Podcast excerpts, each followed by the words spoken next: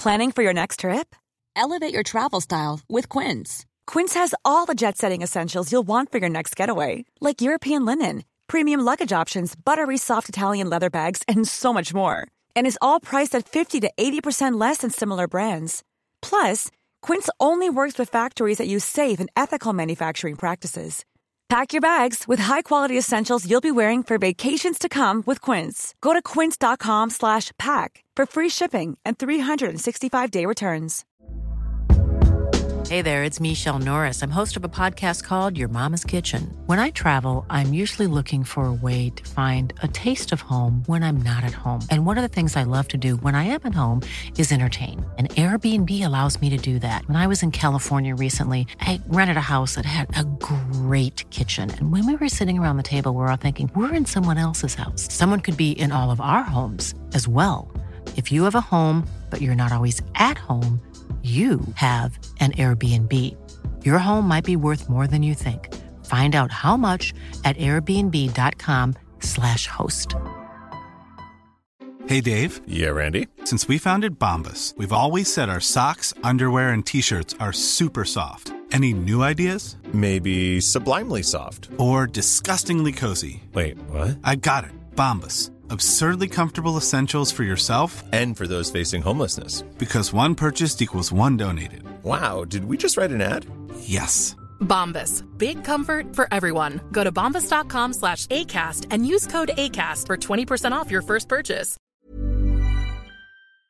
Tuttosvenskan presenteras av Unibet, stolt huvudsponsor till Allsvenskan och Superettan.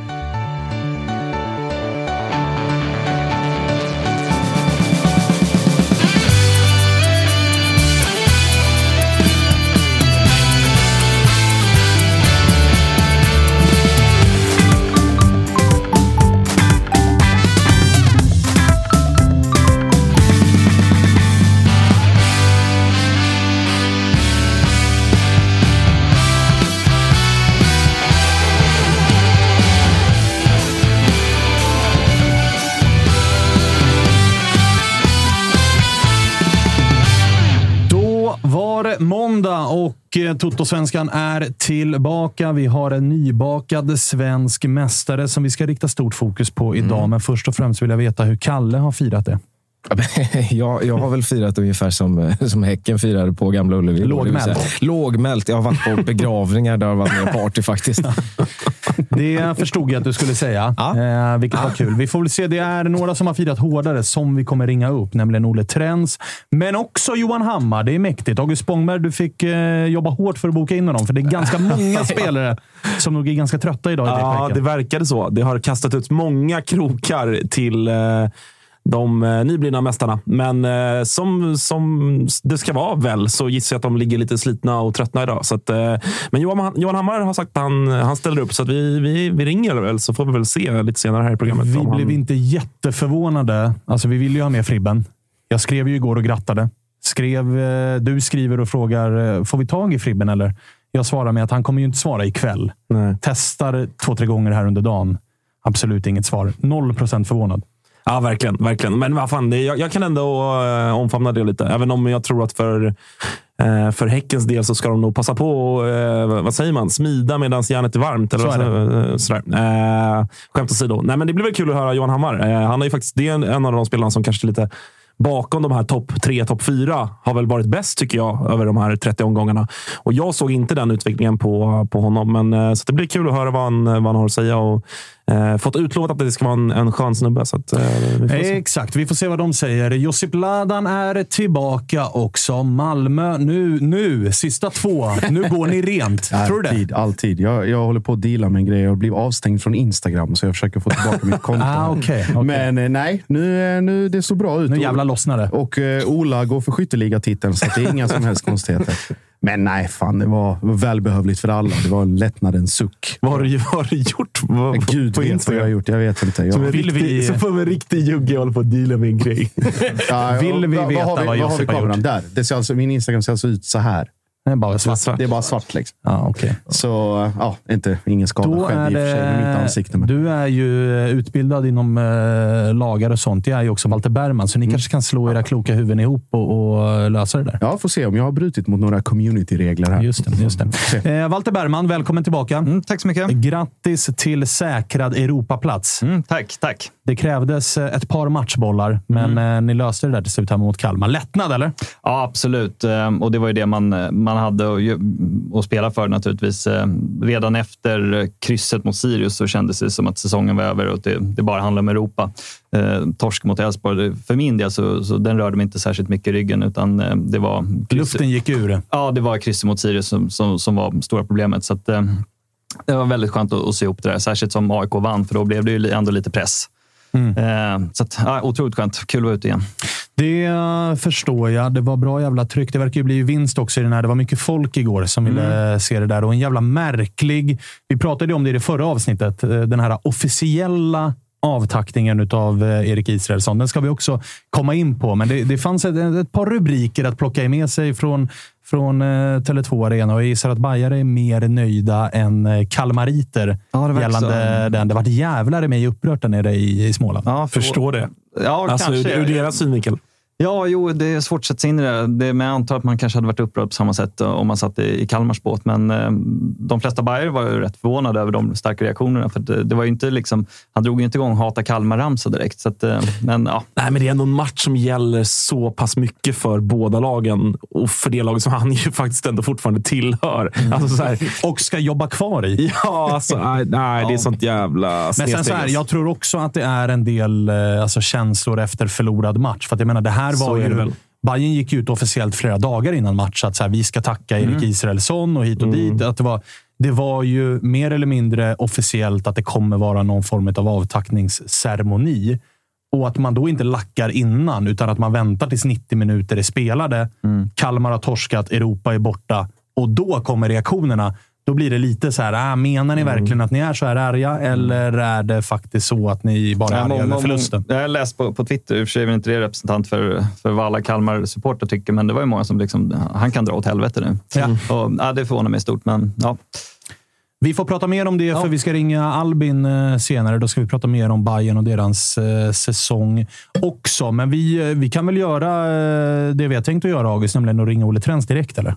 Ja, vad fan. Nu, eh, han har ju liksom eh, hållit låg profil ändå, eh, Olle. Vi har ju försökt där vecka efter vecka Ja. att få honom att utropa Häcken som den stora favoriten och att nu jävlar går vi för första guldet. Och det var så vidare. jobbigt att bli jagad. Ja, men han har ju liksom... Jag, så här, nu i efterhand, jag, är lite, jag som också är lite skrockfull och lite grann tror på det här med jinx och sådär. Han kanske också är så. Vi får väl fråga om han har liksom varit nära på att eh, eh, ta på sig favoritkoftan tidigare här under, under hösten, men inte vågat riktigt. Men det var ju starkt när de inför Djurgården borta gick, när han gick ut inför Djurgården borta och sa att så här, jag, blir hellre, jag jagar hellre än blir jagad. Mm. Och man var så här, vänta, så du vill att ni ska torska borta mot Djurgården? För du vill hellre vara tvåa och som, jaga. Som väl nu, får man säga, det var väl den matchen. och Där, där tog de ju lite guldet. I, får man väl säga. Djurgården borta. Eller? Ja, och så här, man, efter den fortsatte man ju bara. Och den Mm. var ju också den segern utav de här. Alltså de har eh, matchen borta mot oss och sen så har de matchen här mot eh. Blåvitt och så Malmö hemma. Den matchen var ju också den som de var närmast att förlora. Mm. Eh, de andra städade de ju av ganska enkelt. Malmö hemma, oss och så framförallt Blåvitt igår. Så att, hade de inte tagit den, då kanske hade blivit lite där på, på manschetten. Men nu blev det inte så. Vi ringer Olle och kollar. Jag hoppas att han är bakis som ett as.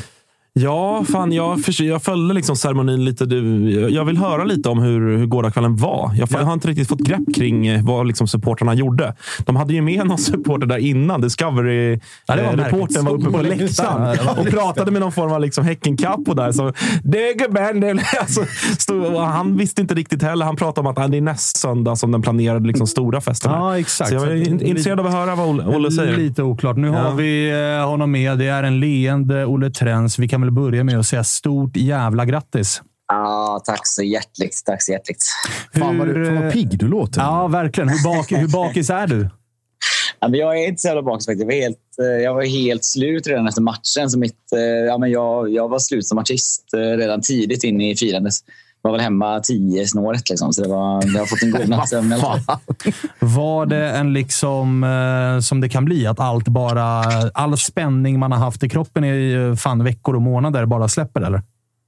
Ja, ja, det var verkligen eh, ja, 100 procent så. Axlarna föll ner första gången på ett halvår.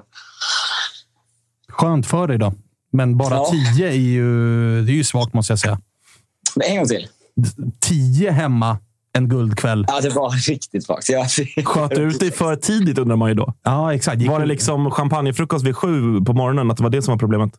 Mm, ja, nej, nej, nej, nej. Jag vet inte vad som hände. Det var bara hög anspänning och, eh, och eh, total urladdning under matchen. Men du, eh, ta oss igenom dagen igår. då. Hur var uppladdning? Hur var känslorna inför och, och allt det där? Berätta. Ehm, nej, men det är liksom så här, matematiskt så var alla väl införstådda med att så här, det är klart att vi ska ta hem det här nu, men det gick inte att känna. Inte, inte efter 1-0, inte efter 2-0, men efter 3-0 då började man liksom känna att så här, ja, men det, här, det här kan faktiskt hända nu.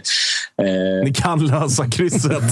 Exakt. Otroligt alltså. Vi kan nog inte förlora, men krysset. Jag tror inte att Blåvitt gör fyra. Nej, åh fan. Ja. Eh, nej, men det var, liksom, det var uppladdning innan på Whoopsie Daisy som är stora supporterbaren. Det var, jag tror det gick tre eller fyra bussar därifrån till Ullevi eh, med ganska god marginal innan. Eh, och sen... Eh, nej, men, nej, det, var, det var så mycket intryck. Ni får vara mer specifika vad ni vill veta. ta oss igenom liksom, eh, slutsignalscenerna då. För att det, var ju så här, det ska vi ha med oss. Att så här, inför den här matchen så var det ju ett jävla snack om att det gick ut eh, organiserade eh, supportergrupper ifrån IFK Göteborg som var inne på att så här, det ska inte stormas någon plan och hit och dit. Fanns det, liksom, fanns det intentioner till dig från bortastående då? Eller vad, vad gick genom huvudet med tio minuter kvar och ni fattade att nu, nu vinner vi det där jävla guldet? Märkligt nog så var det liksom ingen som... Eh, jag såg inga ansatser till att ens försöka. Eh, men men jag, jag snackade med Selon lite och så var jag så här, men är det... Eh, jag, jag förstår att ni måste säga att det liksom är klart ni måste avråda från att storma, men det, det finns ingen sån inofficiell så det är klart att det ska stormas. Och då var det lite så här, nej men varenda jävel som springer in där kommer få en avstängning för att IFK var inte sugna på att ge någon dispens till någon. Liksom. Så jag tror att det budskapet hade gått igenom ganska väl. Eh, men spelarna själva verkar förvirrade över att så här, vad fan ska ni inte komma ner då? Där liksom alla IFK hade gått hem redan och vi fortfarande stod på läktaren. Ja, det, var, det, var, det var lite förvirrat. Och, eh, ja, jag vet fan. Men det var, det var inget att tänka på då. Vi har inte vunnit någon guld innan. Vi vet inte vad man måste göra. Nej, ni, ni, nästan, ni, ni, är ju nästan ursäktade. vi hade- vi hade Ni är ju ursäktade för att ni vet ju faktiskt inte riktigt hur man gör när man vinner. Nej, exakt. Så man får lära sig långsamt. Va? Nästa gång. Nästa gång eh, Då pitchar ni. Riktigt. Men du, är du eh, lite bitter då? För att vi har ju pratat med dig eh, tidigare. Då var du ju väldigt inne på att så här, det är på Bravida vi ska vinna det här guldet. Det är, det är borta mot Blåvitt. Ah, helst på Bravida. Nej, bitter kan man verkligen inte vara. det var, det var otroligt. Var det. Men jag tror att det kommer nog, det, rikt, det riktiga firandet kommer nog ändå ske på, på Bravida eh, i stor skala. Ehm, så att, men det, det känns, man ser jävligt mycket fram emot den matchen nu när det bara är så här... Vi, vi, då får man bara leva i nuet och ha axlarna nere och bara så här, ta in stunden. Det gick liksom inte riktigt att göra. Främst för att man inte ser ett skit på Ullevi heller. Så att jag, jag har fortfarande inte sett målen. Jag, jag, mitt, mitt Twitterflöde exploderade så att jag, liksom, jag gick inte ens att hitta repriserna från Discovery på, på Twitter efteråt. Eh, på, tal, på tal om eh, Discovery, då, de var ju uppe på läktaren och intervjuade en eh, Häcken-supporter. Var det i paus eller det, det skedde? Och han pratade ju också om att Nej, det var, innan- Ja, innan. Nej, det var i paus. För att det stod och var en trygg ledning och hit och dit. Det är fortfarande långt kvar. Och Ah, det, så grejen. kanske det var. Så kanske Eh, det Så var. att det var i, i paus. Han var ju också inne på att det, det är nästa helg som det stora firandet är. Berätta, vad är det som är planerat? Vad vet du? Eh, alltså jag vet inte i detalj, men jag vet bara att förr, när vi vann cupguldet 2019 då hade vi eh, liksom goda förutsättningar. Mötte eh, liksom, var det eh, Eskilstuna i finalen. Eh, och då var det ändå abonnerat en stor festlokal nere på Lindholmen. Jag tror att det kommer vara något liknande nu eh, som är något större, men kanske för ja, första 1000-1500 som står på, på luckan. Eh, men det ska avtackas på Kvilletorget på måndagen med hela laget och det ska, vara, det ska tas i omgångar och firas över lång tid tror jag. Eh, och Friberg ska avtackas efter sista matchen och det kommer vara, eh, det kommer vara mycket nu. Väldigt mycket. Är du eh, förvånad över att Friberg eh, har varit okontaktbar denna förmiddag? Jag gissar att han inte höll igen. Han gick inte hem vid tio igår. Nej, det gjorde han. Det är jag rätt övertygad om att han inte gjorde. Nej, men det, är väl, det förtjänar man väl. Jag såg att han käkade någon riktigt slafsig halv special på Guldbanketten där uppe i loungen på Bravida. Eh, så eh, det, det borgar väl för att han skulle grunda rejält för att kunna hålla igång hela natten. Vilka spelare tror du har eh, varit starkast under natten här mellan söndag och måndag? Alltså jag tror att Johan Hammar var riktigt bladig redan liksom en och en halv timme efter match i någon intervju. Så han, han tror jag, men han kan inte dricka mycket också. Han är väl två meter lång. Och, ja. Eh, vi, ska ju ringa, vi ska ringa Johan. Jag hoppas, ju att han, jag hoppas ju att han har sovit exakt noll sekunder. det hoppas jag med. Det ser jag fram emot att lyssna på sen. Ja. Vad, vad gjorde ni efter slutsignal då?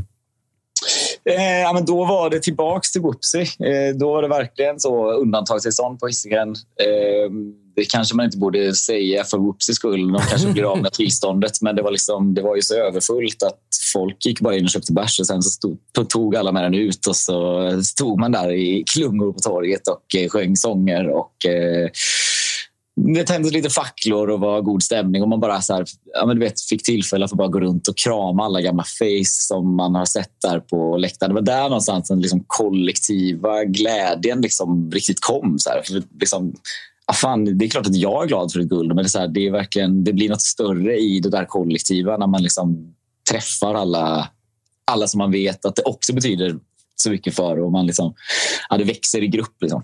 Så det var jävligt fint. Eh, sen tog all öl slut på Whoopsie Daisy. Det fanns ingen öl kvar i Bra. kranarna. Mycket bra. Eh, men då, då kom det ut rykten om att spelarna var på väg till Bravida och skulle sitta i loungen där. Så då gick det liksom ett lämmeltåg från alla möjliga barer ute på Hisingen. Och eh, när det blev bekräftat och spelbussen var där, då då tror jag varenda jävel drog upp dit. Så stod där utanför och skråla några timmar. Men det var där någonstans som jag tog, eh, tog slut som artist. Så sen fick jag...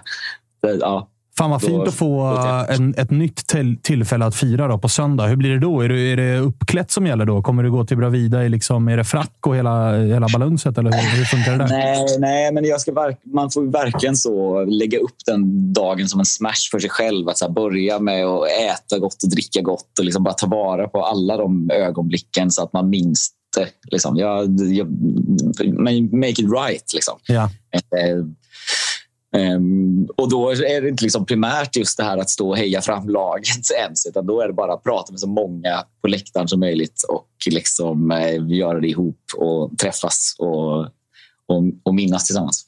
Och så får du lära dig av Friberg då, att grunda ordentligt så att du håller längre än till 22. Ja, det var, det var en, ett stort problem igår, måste sägas. Eh, det var rookie mistake.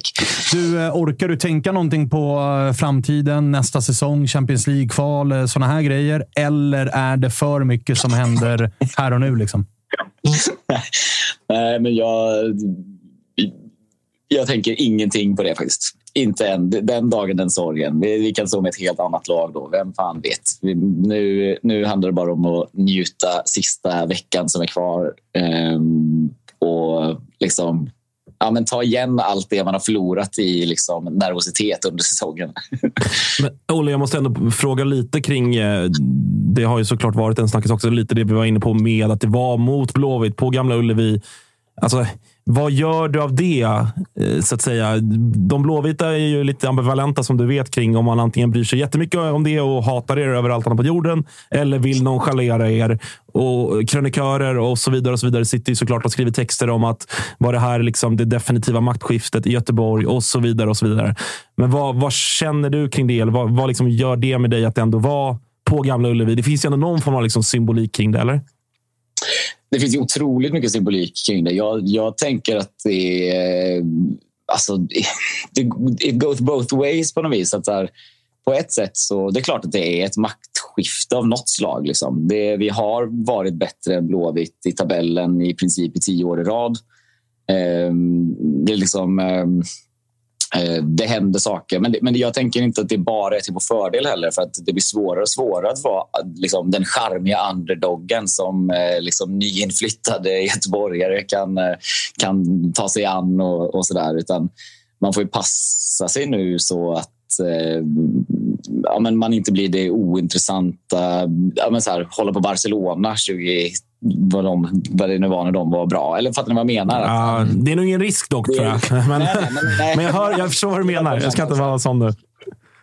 Men, men liksom, det, det, finns ju problem med att sluta vara underdogen också. Och jag tror att det, det, det där kommer nog utkristallisera sig nu inom några år. Att så här, men jag tror mycket kommer hända. Jag kan inte säga vad som kommer hända och hur det kommer hända. Men, men, men att vi vann det guldet och som vi gjorde det det kommer nog påverka Göteborgsfotbollen under ganska lång tid framöver tror jag. Och eh, skapa både nya möjligheter och nya problem för båda klubbarna om jag får eh, gissa fritt. Mm. Mm. Olle, det här charmiga, vad heter det, Häcken, underdog-Häcken och hela den stämpeln. Ni går ju med mm. i en exklusiv klubb av SM-guldvinnare här nu, så att då innebär det ju också en annan typ av svansföring som ni måste föra er med. Det kan ju bli allt från att klubbar plötsligt, eller andra supportergrupper börjar se Häcken som liksom, ja, det här är någonting som man inte ska vifta bort längre och, och hela den grejen. Och, och liksom självbilden även internt i klubben. Att hur, hur ska man jobba med den? För att det har ju alltid, det har varit under väldigt lång tid att vi litar på vad vi gör och eh, trust the process och hela den grejen. Och sen så nu över en natt så plötsligt, jaha, nu är det plötsligt nu är det inte Olle Trends Häcken-supporter, utan nu, nu är det CL-Olle som är med i Fotbollssvenskan. ja, ja, ja, och hela den ligan med allt vad det innebär. Olle Trends mästare. Just det, Olle Trends mästare. Kan vi ändra lilla grafiken här, Kalle? Bra. Ja, bra, bra. Ja, gör det, gör det.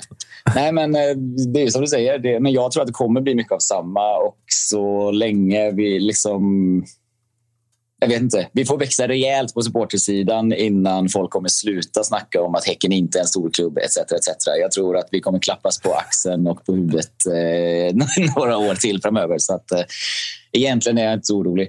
Eh, men det är klart, det, det, nu, det är en annan kostym att fylla nästa säsong. Liksom. Ehm. Det är det. Det är det sannerligen. Men det är också, det har vi pratat om, är det något jävla guld man ska vinna så är det ju typ årets med tanke på vad som har hänt med eh, Conference League. Att så här, man kan ju nästan förlora sig in i ett europeiskt gruppspel och vi har sett vad Djurgården kan göra i en sån grupp och vad det innebär för, för kassa och sådär. För att jag menar, vissa har ju pratat om Häcken som så här, ni lever väldigt mycket på Gotia Cup. Tittar man på vad ni faktiskt får in på Gotia Cup så är det inte enorma summor på plussaldot, utan det räcker till en, kanske två hyfsade allsvenska fotbollsspelare. Men att gå till ett gruppspel i, i eh, Europa, då klirrar det till ganska rejält. Och när man får inleda i Champions League-kvalet, nu tvingar jag dig att blicka framåt här ändå, så får man hyfsade jävla förutsättningar att eh, lägga en fin budget inför kommande säsong och kanske till och med säsongen därpå. Ja, jag ska inte ta ut någon glädje i förskott, men jag tänker ändå att titta på vad Djurgården har åstadkommit i Europa i år. Eh, jävligt imponerande. Eh, och samtidigt, alltså så här, det, det, känns ju osannolikt att, att Häcken går och vinner allsvenskan den säsongen som Djurgården är ett så jävla bra lag. Eh, och det lovar väl ändå gott inför nästa år vad det här laget kan göra i Europa när, när Djurgården som varit, liksom, ja, visserligen då om man med Europaspel och tajtare matchning och så vidare. Men när de har varit så jävla bra och vi ändå har varit så pass märkbart mycket bättre. Då har jag ganska höga förhoppningar på vad som skulle kunna hända i, i Europa League eller Conference League eller förhoppningsvis även i Champions League. Du, det förstår jag. Vi ska snart ringa upp Johan Hammar. Har du någon fråga du vill eh, passa med? eh, oh, jag har ju tusen frågor, men eh, men eh, nej, nej. Det får, jag tror ni sköter det galant själva. Du får luta dig tillbaks och njuta av att vara svensk mästare. Då. Ja, tack så hjärtligt. Stort, Stort grattis igen grattis, då. Grattis, Ola. Vi eh, hörs. Njut av eh, veckan och tiderna framöver. Det ska jag Härligt. Ha det bra. Ha det bra. Hej med er. Håll med mig om att det är eh, ett hyfsat eh, bra guld att vinna detta med tanke på... Vi såg ju hur det gick alltså för Malmö nu som gör ett ganska dassigt jävla kval i Europa, men som ändå landar in i Europa League. Häcken kommer ju ges samma möjlighet med tanke på att Malmö och Djurgården nu eh, också liksom förbättrar den svenska koefficientpoängen. Mm. Man kommer komma in med ja, men ganska fina rankingpoäng. Man kommer ges eh, ganska bra eh, lottningar. Vad, eh, Ja. det vet man ju aldrig å Nej, andra sidan, men förutsättningarna kommer finnas för att i alla fall landa ett gruppspel. Vilket gör att Häcken de kommer inte tvingas att tacka ja till första bästa bud på Sadik och, och de här spelarna som man potentiellt kan sälja. Nej, precis. Och det är ju alltså just, eh, jag tror det, det centrala för Häcken blir väl att man, jag tror att man, det är viktigt för dem att gå in med den bilden av att i alla fall klara sig förbi de första två omgångarna. Att liksom hit, eh, få ha tur och med något beskedligt motstånd ta sig in och få de här liksom räddningsplankorna så mycket man kan. Eh, jag minns ju alltså Häcken när de har stött på europeiskt motstånd tidigare.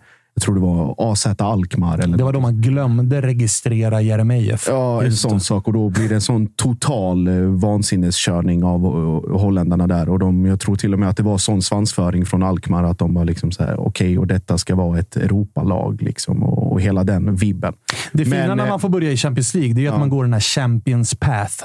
Att man Just får ju det. möta liksom mästarlag, Ja. men från dassiga ligor. Det är typ Ja, lättare att gå den vägen än att kliva in som... Alltså, kommer du, du slipper ju liksom möta fyran i Premier League eller fyran i Serie A och de här, utan du får ju möta men litauiska mästarna, mästarna från Färöön i, i första rundan. Liksom. Så att Ja, man bör exakt. ju kunna ta sig förbi åtminstone Ja, och realistiskt en sett. eller två. realistiskt sett och, och liksom får de behålla det här laget intakt eller så långt det går och, och fortsätter på den här fina formen in i nästa år. Oavsett om det är med eller utan Högmo som, som tränare. Eh, alltså det, det, finns ju, det, det är en sån kärna som inte, jag tror inte de kommer påverkas nämnvärt av något liksom större tränarbyte. Så, jag, genuint, jag tror faktiskt inte det. Vad tror Eh, du där, Walter? Tror du att det är Högmo som är den stora arkitekten och att man måste behålla honom? Eller? Ja, det, det tror jag. För att eh, om, man, om man nu konstaterar hur bra Häcken har varit i år, eh, då ska man kunna förvänta sig att de tar lika många poäng nästa år lika bra. Eh, Om vi nu säger att de har goda förutsättningar i Europa, då bör de ha samma goda förutsättningar i, i allsvenskan. Men det har jag ändå svårt att tro. Jag tror inte Häcken kommer återupprepa det här nästa år och vara med och slå, slåss om topp tre. Ehm, och, ehm, nej, de har väldigt duktiga spelare, det har ju visat sig, men, men jag, jag, jag säger nog ändå att det är Högmo som är, som är nyckelfaktorn här. Högmo som eh, liksom slirig och glad i hågen eh, absolut inte var självklar med att han definitivt kommer att vara kvar. Utan Det var ju också citat som var så här, man vet aldrig vad som händer i fotbollsvärlden. Och Han har kontrakt över nästa år också, va? Visst är det så? Jajamensan. Mm. Jajamensan. Sen, är, sen är man ju imponerad. Alltså inför den här säsongen så pratade vi om Häcken som lite så här, vart har vi dem egentligen? Mm. De har ju också, alltså i en fotbollsvärld, det har ju vi debatterat om, om eh, Walter, framförallt på sociala medier, att så här, det finns en trend som pekar åt ett håll. Vad ska man göra för att bli framgångsrik? Där det finns tydliga exempel. Häcken har ju gått nästan lite grann åt ett annat håll när man hämtar hem Alltså det är 27-åringar, 28-åringar, 33. Hur gammal är Rygaard? 30 plus. Alltså, Man har ju hämtat spelare som bevisligen är jävligt bra. Som inte är eh, slut, men som ändå inte heller är 19 år och som ska säljas vidare. De eh, unga sålde man ju för bra pengar och hämtade in gamlingarna som är de som i slutändan är de som löser guldet åt dem. Så det, är ju, det är ju imponerande att man har också. Man har verkligen kört på sin filosofi. Tittat på skandinaviska spelare, plockat in spelare som här och nu gör skillnad. Och det är få i den här startelvan där man känner att ja, han kommer ni inte få behålla. De har chansen att Nej. behålla varenda spelare här. Ja, nej, verkligen. De har byggt kärnan kring. Ja, det är bröderna Gustafsson, det är Rygaard, det är, det är Johan Hammar som vi varit inne på. Det är Abrahamsson i kassen och, så, och Jeremejeff såklart. Eh, sen har de ju, ja, men de har ju kryddat lite sådär med Sadik som, som ingen visste vem det var inför den här säsongen. Och då ska man också komma ihåg att de eh, fick, eh, vad heter han som gick sönder? Eh, Ja, de hämtade ju bland annat Tobias Sana. Ja, Eh, så, så, men- Benny men, Traoré. eh, Tra, Benny Traoré som var den som skulle slå igenom i år, som, som liksom varit skadad hela året. Och det Eh, minns man ju från, det var väl mot er va, på Tele2? Var det det? Som eh, han gick sönder, Ja, Benny. Traoré. I kuppen. I Ja, kuppen. exakt. och då tänkte ju många att så här, där förstörde stora delar av Häckens säsong. När guldgossen, den som Exakt. ska göra poängen, den som ska slå igenom, han bryter benet. Nu, nu blir det ju mitten igen. Liksom. Om vi, parentes bara, jag läser från Uefa-ranken här, Häckens eh, potentiella status. De är med allra högsta sannolikhet osed, osidade i Q1 i CL. Oj, redan i och då, Q1 Och då alltså. kan, det bli, då kan det bli, om man vill sig riktigt illa, så kan det bli riktigt jobbigt. Alltså omgående. Eh, man har svenska minimipoängen just nu, så länge Djurgården och Malmö är kvar och kan fortfarande ta poäng, så är den eh, 4,55. Men förra, för, i fjol krävdes 7,0 för att bli Oj. eh, sidat. Ah, ja, ja, ja, ja. Och då är det plötsligt mycket svårare. så uh, krävs att man är påkopplad direkt från början. Mm. Även om det i första rundan ofta är ganska dassiga nationer som kliver Ja, och det var väl dassigt där när Malmö åkte på mot Vikingar och det var fan inte det lättaste heller. Ska gudarna veta. Nej, så är det. Så är men det jag tycker, tycker det är kul med Häcken att uh, den här devisen om att man, man vinner matcher med att göra mycket mål men vinner titlar på bra försvar. Den, den har jag ändå trott på. Uh, men i år så motbevisar Häcken det lite. De mm. torskar inga matcher. Det är ju det som är det, ja. deras USP. Att de har bara förlorat två. Det är ju otroligt starkt och betydligt bättre än, än de nära konkurrenterna. Men, men deras försvar, de har ändå släppt in 34. Där är de ju inte, de är ju typ kanske fjärde, femte plats, sjätte mm. någonstans där. Men eh, det är just målproduktionen som gör att de sticker ut. Eh, det tycker jag är kul att, eh, att sådana lag också får vinna guld. Ja, verkligen. Det, ja, då, det är sannerligen en devis som krossas. Snack, det var ju snack om det långt under säsongen, mm, att de, de kan aldrig hålla nollan. Exakt. Sen gjorde de ju det, några matcher där. Men, ja. äh, nej, det... Ja, men det, finns ju så jäkla mycket som är imponerande med, med det här Häcken. Och också en sån grej tycker jag, här med vi har pratat om avslutningen med det tuffa schemat som har varit. Eh, och där jag kanske också ändå har upplevt att så här, några av deras nyckelspelare, kanske framförallt liksom symboliskt Alexander Jeremejeff, har inte liksom prickat toppformen den här säsongen nu i slutet när allting ändå skulle avgöras. Utan där satt jag för två veckor sedan och var lite sådär, hörru, det är dags att börja trumma igång nu. Det är nu titeln ska avgöras. Liksom. Att du gjorde tre mot Sundsvall i omgång 14, det är egentligen skitsamma när vi summerar den här säsongen utifrån det läget de var i. Eh, så att han har inte riktigt varit i toppform tycker jag de här sista matcherna. Han tar rött kort mot Malmö. Liksom, han gör visserligen 2-0 mot AIK. Ja, vi, ja, men, ja, ja öppen kasse i Turgots förarbete. Men ja, absolut, han är där. Köper mm. det. Mm. Men du förstår ändå lite vad jag menar. Jag tycker att han har varit lite ur balans. Och liksom, jag kände lite sådär när han tog det röda mot Malmö. Att så här, ta mig fan om de inte sumpar det här nu och han liksom blir, istället för vad han gjort, 22 baljer och, och stor liksom, Han får gå upp där på, på galan, hämta skytteligapriset, men med krökt nacke. Exakt, mm. för att han, han vek ner sig sista omgångarna. Eh, men ändå har de, liksom, så, och, och den här matchen, inte minst mot Blåvitt, när de liksom asfalterar IFK Göteborg, som ändå på Gamla Ullevi de har ändå visat sig vara ganska svårslagna. De har ändå tagit pinne mot Djurgården. De slog oss, de slog Malmö. Alltså, det är ändå ett, visst, Göteborg är inget jättebra lag, men på, hem, på hemmaplan är det ändå liksom, det är inget skitgäng. Eh, så nej, det är så jävla imponerande, eh, Häcken. Och framförallt det där, det där mittfältet är ju alltså... Det är otroligt. Ja, vilket, eh, vilket mittfält. Hörni, vi ringer Johan Hammar och kollar hur fan han mår. Mm. Ja, han, har, han har ju gulderfarenhet från Malmö också, så han, han kan ju fira. Ja, fick du in det också? Ja, men det är ju bara att konstatera. Det är tredje guldet för Johan nu. guld, guld, Man hoppas ju att han är med lite när Olle är. Alltså. Det hoppas ja. man verkligen. Jösses, Här har vi honom med oss. Johan Hammar, hur är läget? Hallå gänget. Det bra. Det du. Eh, stort, stort eh, grattis! Tack så mycket. Eh, vi frågade Häcken-supporter Olle Trens här tidigare i programmet vem han trodde var bäst på att fira. Och han sa Johan Hammar. Stämmer det? Det är väl, eh, jag skulle säga topp fem i alla fall. Men jag sitter nog med några andra herrar här också som också är ganska vassa på det. Aj, aj, aj, aj, Bakisligan alltså. Sån bakisliga. Hur hårt blev det igår? Här kan det firas. ja, blev det sent igår, eller? Det blev sent. Hur stannar vi där? ah, okay. det, det blev... Man har knappt varit hemma nästan. Ah, Okej, okay. fan vad skönt. Men du, 4-0 borta mot Blåvitt i det som blir eh, guldmatchen. Det är ju symboliskt om något, är det inte det? Jo, det är klart det är det. det är, vilken match vi gör. Alltså. Enormt. Hur, eh, för att jag menar, det var ett sånt jävla snack innan från Blåvitt håll om att de ska minsann inte tillåta att eh, lillebror går och vinner guld och de ska inte storma planen och våran matta är så jävla dålig och det talar för brunkande IFK Göteborg. Var den så jävla dålig och liksom, hur, hur gör ni när ni bara kliver ut och kör över dem fullständigt?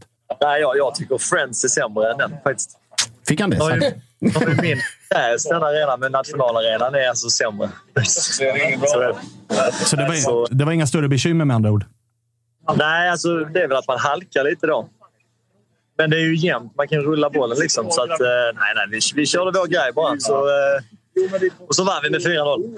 Lite enkelt så. Du, eh, vad är det som har gjort att ni har... Eh, för att jag menar, i, i så lag där det, Jag följer ett eh, storlag med mycket publik och där pratar man ofta om så här, mental press och man ska klara det och hit och dit. Ni har ju haft ett schema här på slutet där många har tänkt att så här, här kommer Häcken att falla. Det är Malmö, det är AIK borta, det är Djurgården borta, sen kommer derbyt. Och ni har ju bara blivit bättre och bättre och bättre för varje match som går. Hur gör man det? Nej, men vi är, vi är väl lite galna allihopa. Vi, vi ser inget stopp på det. Utan eh, när vi vann en match var det bara skaka av sig den och så rätt på nästa bara. Det är, det är ett gäng idioter. Vi, vi har inte hunnit tänka efter att det har varit någon press eller att det har varit liksom jakt på det sättet. Utan vi har bara kört på. Hur eh, viktig var den där segern borta mot Djurgården? För vi pratade lite grann om den. Om att det var ändå matchen där ni var absolut närmast i alla fall att tappa poäng. Men när ni vinner den så har ni ju nu när vi sitter med facit i hand. Det känns som att den matchen nästan gjorde er ostoppbara därefter. Ja, nej, den var ju, det var klart det var då man började kanske tro på det ordentligt. När vi åkte upp där och vann. Så det var, eh, det var mäktigt. Framtiden här då? Nu väntar ju faktiskt ett... Eh, liksom, ni har ju inte kommit så långt i tankarna ännu, men vi satt och pratade lite grann om eh, spelare i truppen och sådär. Det är inte så jättemånga ni har som är bärande spelare som är 19 år och som ska iväg, utan det känns som att ni har ett lag som, där ni kommer få behålla stora delar. Det väntar Champions League-kval nästa år. Vi vet om att det är liksom, även om man eh, förlorar där så finns Europa League, det finns Conference League. Vi ser vad Djurgården gör. Hur, är liksom, eh, hur ser ni på framtiden? Har ni pratat ihop er om att liksom, nu, nu gasar vi på här även nästa år? Ja, just nu njuter vi av ölen mest. Där. Men eh, fra- framtiden ser väl bra ut den också. Vi har en Eh, kul en god stumme som, eh, ja, som du säger, som är kontrakterad nästa år. Så vi, eh, vi får väl se till att försöka göra om där. Det, det var kul. Mm, ja. Johan, extra kul för dig också såklart. Det är ju första, eller tredje SM-guldet för dig. Första, liksom, hur ska jag säga, där du är en vital eller direkt avgörande del för, för en trupp också. Hur, hur rankar du detta i förhållande till, till de andra titlarna? Nej, men det, det här är såklart det största. Mycket mer involverad personligen. Och, och första guldet för Häcken. Och man har varit här många år nu och blivit en del av, eh, av klubben. Liksom. Så det, där rankar jag klart, klart högst. Ja, och sen då med tanke på, på hur din resa har sett ut efter MFF. Det var lån hit och det var ÖIS och sen in i Häcken och sen konkurrera med pannbands Lindgren och hela den ligan och sen så ta sig, ta sig en egen plats sen. Och sen var det i somras var rykten om, om utlandsflyttar och hela grejen. Fan, det, det, den långa vägen eh, har du gått minst sagt. Ja, nej, det, finns, det finns inga... Eller vissa har lätta vägar, men den, den har inte jag gått. Den har inte jag hittat den vägen. Så att, eh, det fick bli på ett annat håll och nu är vi här. Det är bara... Det finns, det finns olika vägar för alla. Så det. Jag måste eh, fråga Johan också. Det kablades ju ut lite filmklipp där från, om det var från Park Lane eller vad det var, när ni eh, det var väl Martin Eriksson på bardisken och, och John Guidetti-låten i bakgrunden. Var, var, det var en liten passning upp till huvudstaden, eller? Nej, jag tror bara den var nästa på spellistan där. Ja, jag, visste, jag visste att det var så. De, de kör den för att det är en bra låt. Det är en jättebra Det var låt. bara slumpartat att den kom på, tror jag. Ja, det, okej, det, okej, okej. Ja, ja, så, jag köper det fullständigt. Något. Eh, hur, hur, hur, eh, hur ser veckan ut här då? Alltså, jag, jag vill inte vara den som är den, men jag påminner er om att det, det finns en, en match kvar. Men, men jag gissar att ni eh, kommer blåsa på här ett par dagar. Ja, nej, nu ska vi fira i, i dagar här. Eh, ska, vi ska ha jävligt kul allihopa. Och sen, nästa helg handlar om den här mannen. Såklart det gör det. Att Kolla, kolla Malmöligan. Fan vad fint att se. Det är tre guldgossar. Herregud. Här, guldpågarna är det klart. Har Fribben sovit någonting, eller? Vad sa du? Har Friberg sovit någonting, eller? Har du sovit något? Fribbe, har du sovit? Nej, inte någonting. Jag fick en video på honom i morse när han lå- låg på ett hotellrum, men han sov inte. Det är, klart att han inte, det är klart att han inte gjorde det. Hur många av er kommer vara i speldugligt skick här på, på söndag? Eller skickar ni ut P16? Nej, nej, det är ju jävla viktig match nu. Marcus Tapper och Norrköping sitter och jublar när de ser de här bilderna. Ja, då, då, exakt. Ni, ni kan ju rädda kontraktet för Peking här. Så Peking, kom, Peking kommer nog börja swisha till eh, liksom fest hela veckan lång. Ja, ja. Kommer en swish här till dig snart Johan från Jonathan Levi. 5000 spänn. Kör hårt ikväll Kör hårt ikväll. Det är bara gasa. Det är bara gasa. Nej, men du, eh, vi ska inte störa mer i eh, firandet. Återigen då, stort, stort, stort jävla grattis. Det är ett oerhört välförtjänt SM-guld ni tar. Tack så mycket. Tack så mycket. Härligt. Eh, hälsa gubbarna också. Ja, det ska jag. Härligt. Ha det fint. Johan. Hej.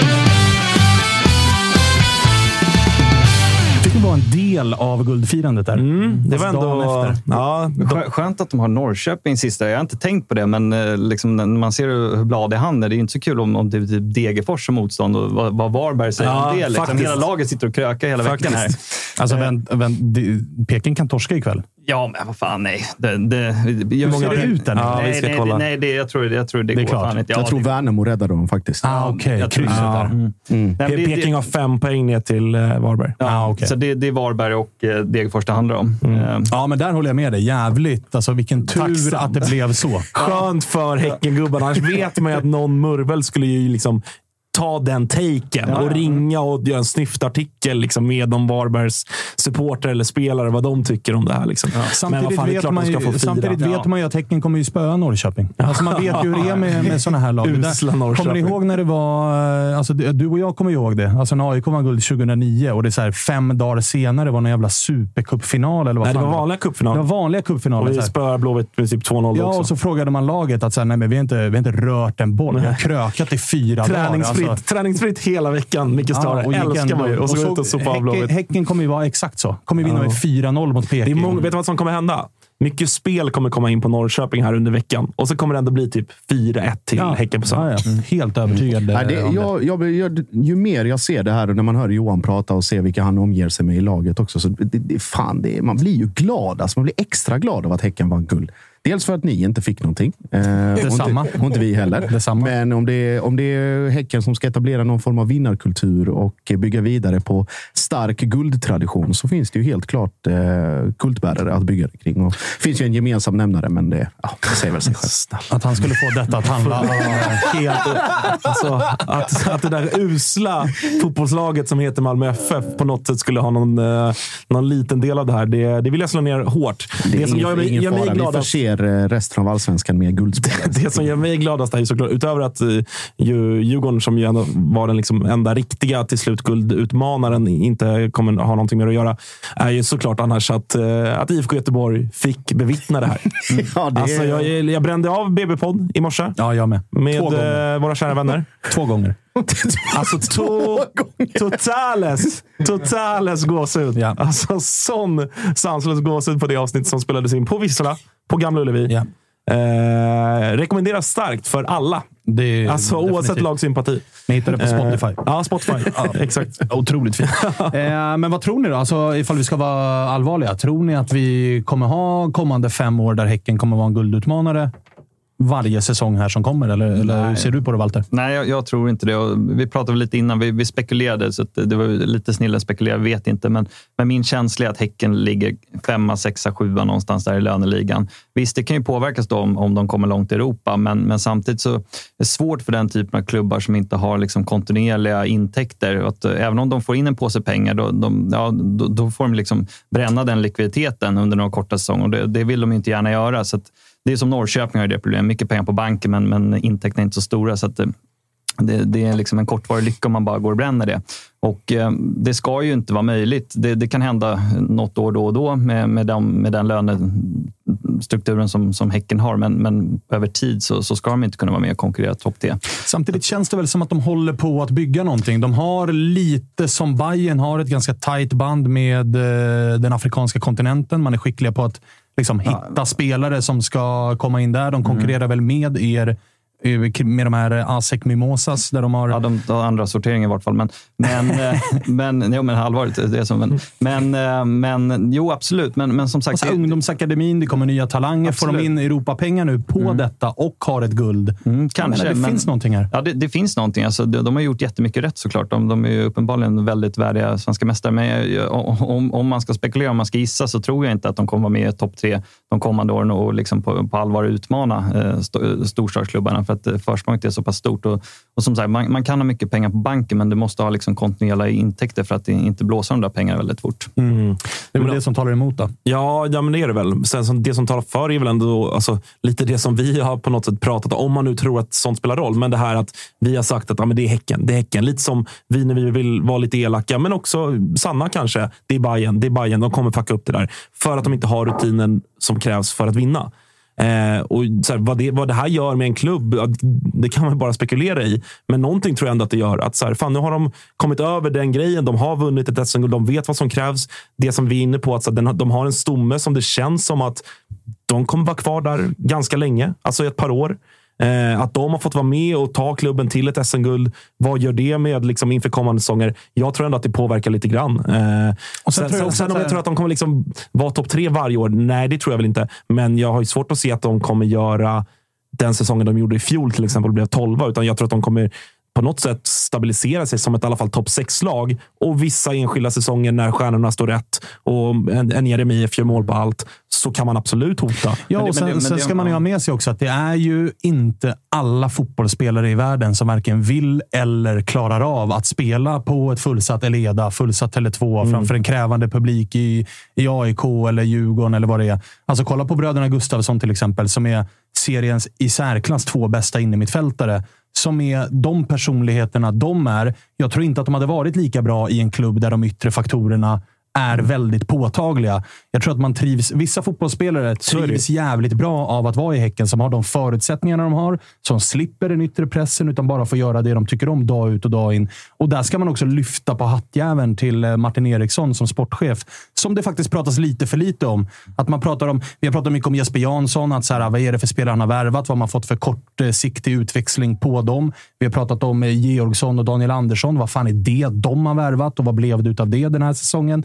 AIK har också varit så här, Visst, vi är bra på att plocka hemvändare där scoutingen inte behövs, men vi är inte särskilt bra på att hitta spelare i närområde eller utifrån där det blir en träff. Kolla på Martin Eriksson har ju typ bytt ut hela jävla laget från förra året och varenda gubbe kommer in och det är Rygaard här och det är någon mm. Totland där och det, det är liksom det ena med det tredje och varenda gubbe ser hur jävla bra ut som helst. Så att, jag menar, de gör jävligt mycket. Det är mycket som pekar åt mm. rätt håll, inte bara på grund av det här guldet. Nej, jag tänkte på, på två saker. Alltså, dels bröderna Gustafsson. De har ju kommit in med en, eh, en komponent eller en egenskap som Häcken har saknat egentligen i många år, som kompenserades liksom på något sätt genom... Om vi, tar, vi kan ha Alexander Falseta som exempel ett svin, en svinjobbig, ettrig jävel som sliter och river och är up in your face hela tiden med det fotbollsmässiga. Kanske inte liksom på nedåtgående i alla fall. Och sen har det inne mittfältet liksom varit han, Erik Friberg och sen så har man förlitat sig på att Jeremejeff ska göra alla de här målen.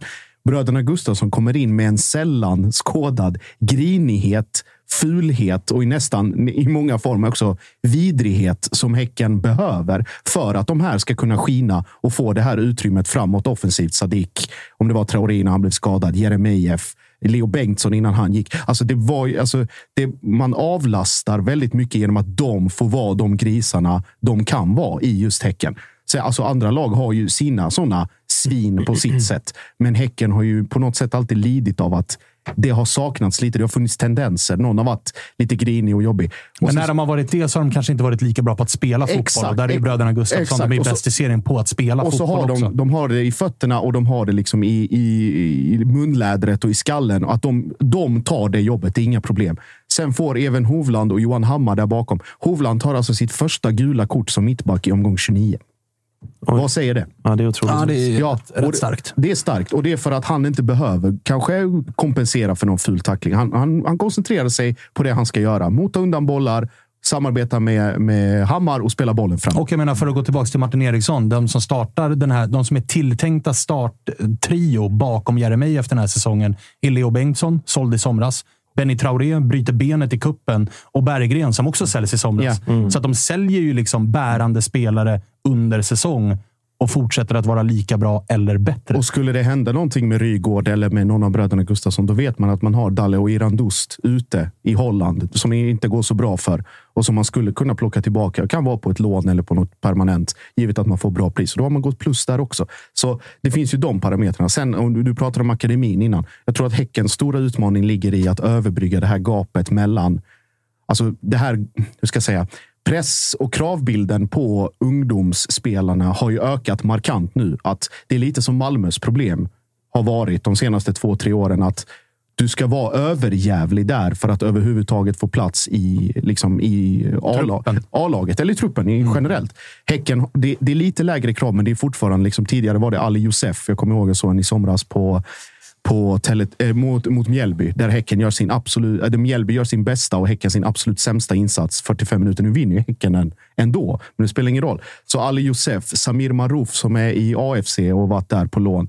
Eh, vem har du mer? Leonardo Shahin som ses som en av liksom, de stora talangerna. Så att det finns ju där, men det kräver ju också att de motsvarar den utveckling som, eller den eh, exakt utveckling som Häcken har på dem också. Att de kan komma upp om Traoré går eller om Jeremejeff går. Att det ska kunna fasas in. Det kanske inte blir 22 mål alla Jeremejeff, men första säsongen i Häcken 8 till 10. Superbra. Så att det måste flyta på där också. Så att det inte blir som, som Walter är inne på. Att man blir Ja, nu kommer pengarna. Nu lägger vi dem där. Vi lägger dem där. Vi lägger dem där. Någon sticker och så ska vi spendera dem. Men, ja. Sen vill jag bara säga på frågan om Häcken kommer vara ett topplag de, de kommande åren. Jag tycker väl ändå att de någonstans de senaste tio åren, de har ändå etablerat sig där uppe som en stabil liksom, topp. Övre halvan ja, i alla fall. eh, Exakt. Så att, och, och det är väl det man, eh, eftersom att konkurrensen är så hård i allsvenskan, så är det väl bara Malmö, kanske Stockholmsklubbarna som man ska då kräva inom eh, situationstecken ska vara liksom topp tre. Sen är det ju en radda klubbar, där är ju Häcken en, en av dem som är med och liksom konkurrerar. Och får man träff ett år, då, då kan man ju uppenbarligen vinna. Men, men, eh, men jag tycker inte man ska förvänta att de ska vara en liksom stabil topp tre-klubb, för att eh, där är konkurrensen så Nej, och sen, så, sen är det ju så jävla eh, sjukt med den här serien att så här, man pratar för varje år som går om att det blir... Fan vad du höjde mig. Det var högt det blev. Höjde dig? Ja, jag har varit hög som fan i mina egna hörlurar. eh, nej, men man pratar för varje år som går om att eh, allsvenskan blir mer och mer skiktad. Att det blir mer och mer så här, det är de här sex lagen det handlar om.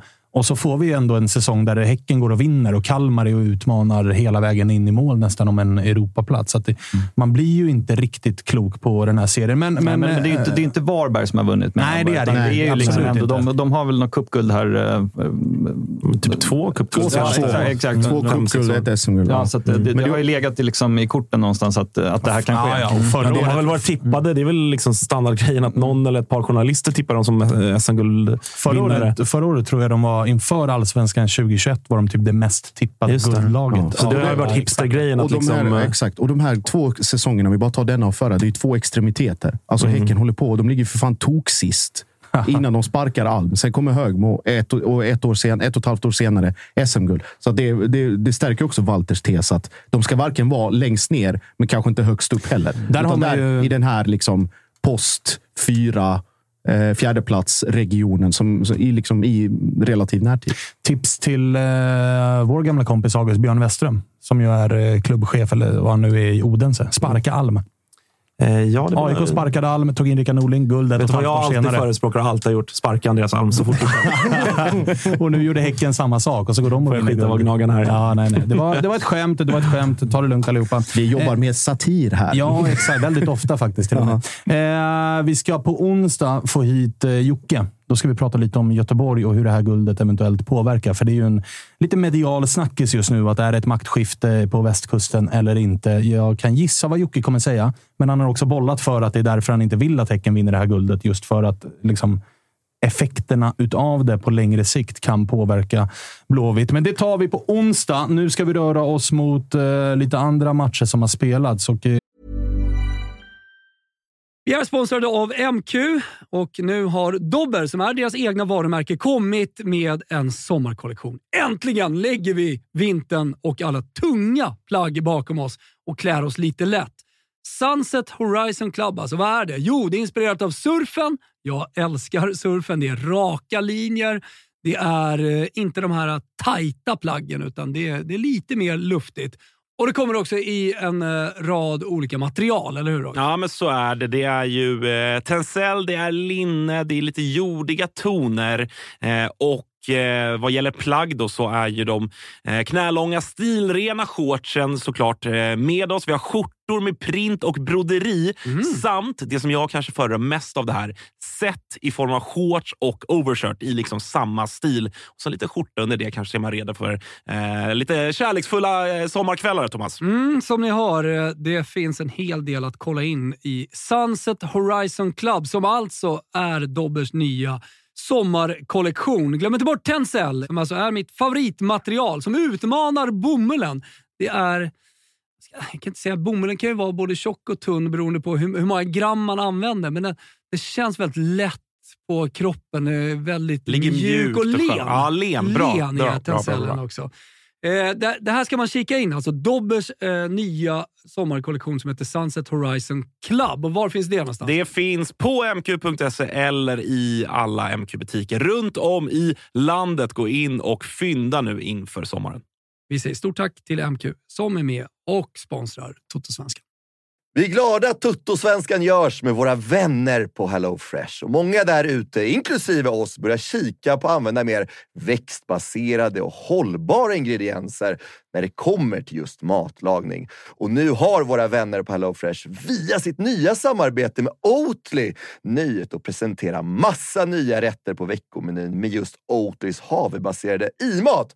Och varför i-mat, Dage? Ja, men det är väl kanske en fråga man ställer sig, men det är ju så att det är en ingrediens med 61 procent mindre eh, CO2-utsläpp och 83 procent mindre mättat fett än traditionell grädde. Så det är ett väldigt bra substitut. Ja, men och denna vecka så har vi kollat på HelloFresh hemsida och eh, botaniserat lite kring recepten som innehåller just i-mat. Och min tydliga, tydliga favorit är den soltorkad tomat rigatonin som ju har då lite soltorkade tomater, det är körsbärstomater, det är rucola, zucchini, riven ost, Ja, men ni hör, en väldig massa smaskiga grejer som blir en krämig pasta. Just att använda rigatonin, Freddy, som jag vet att du gillar också, som just suger upp all den här såsen.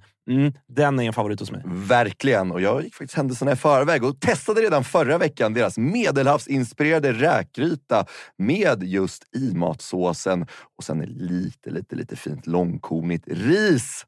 Eh, och Agge, vi har ju som vanligt en kanonkod också med våra vänner på HelloFresh. Den, den, den, den hoppas jag folk kan nu. Ja, det är ju Fresh Tutto. Du får upp till 1359 kronor i rabatt på dina fem första kassar om du inte har prövat HelloFresh ännu.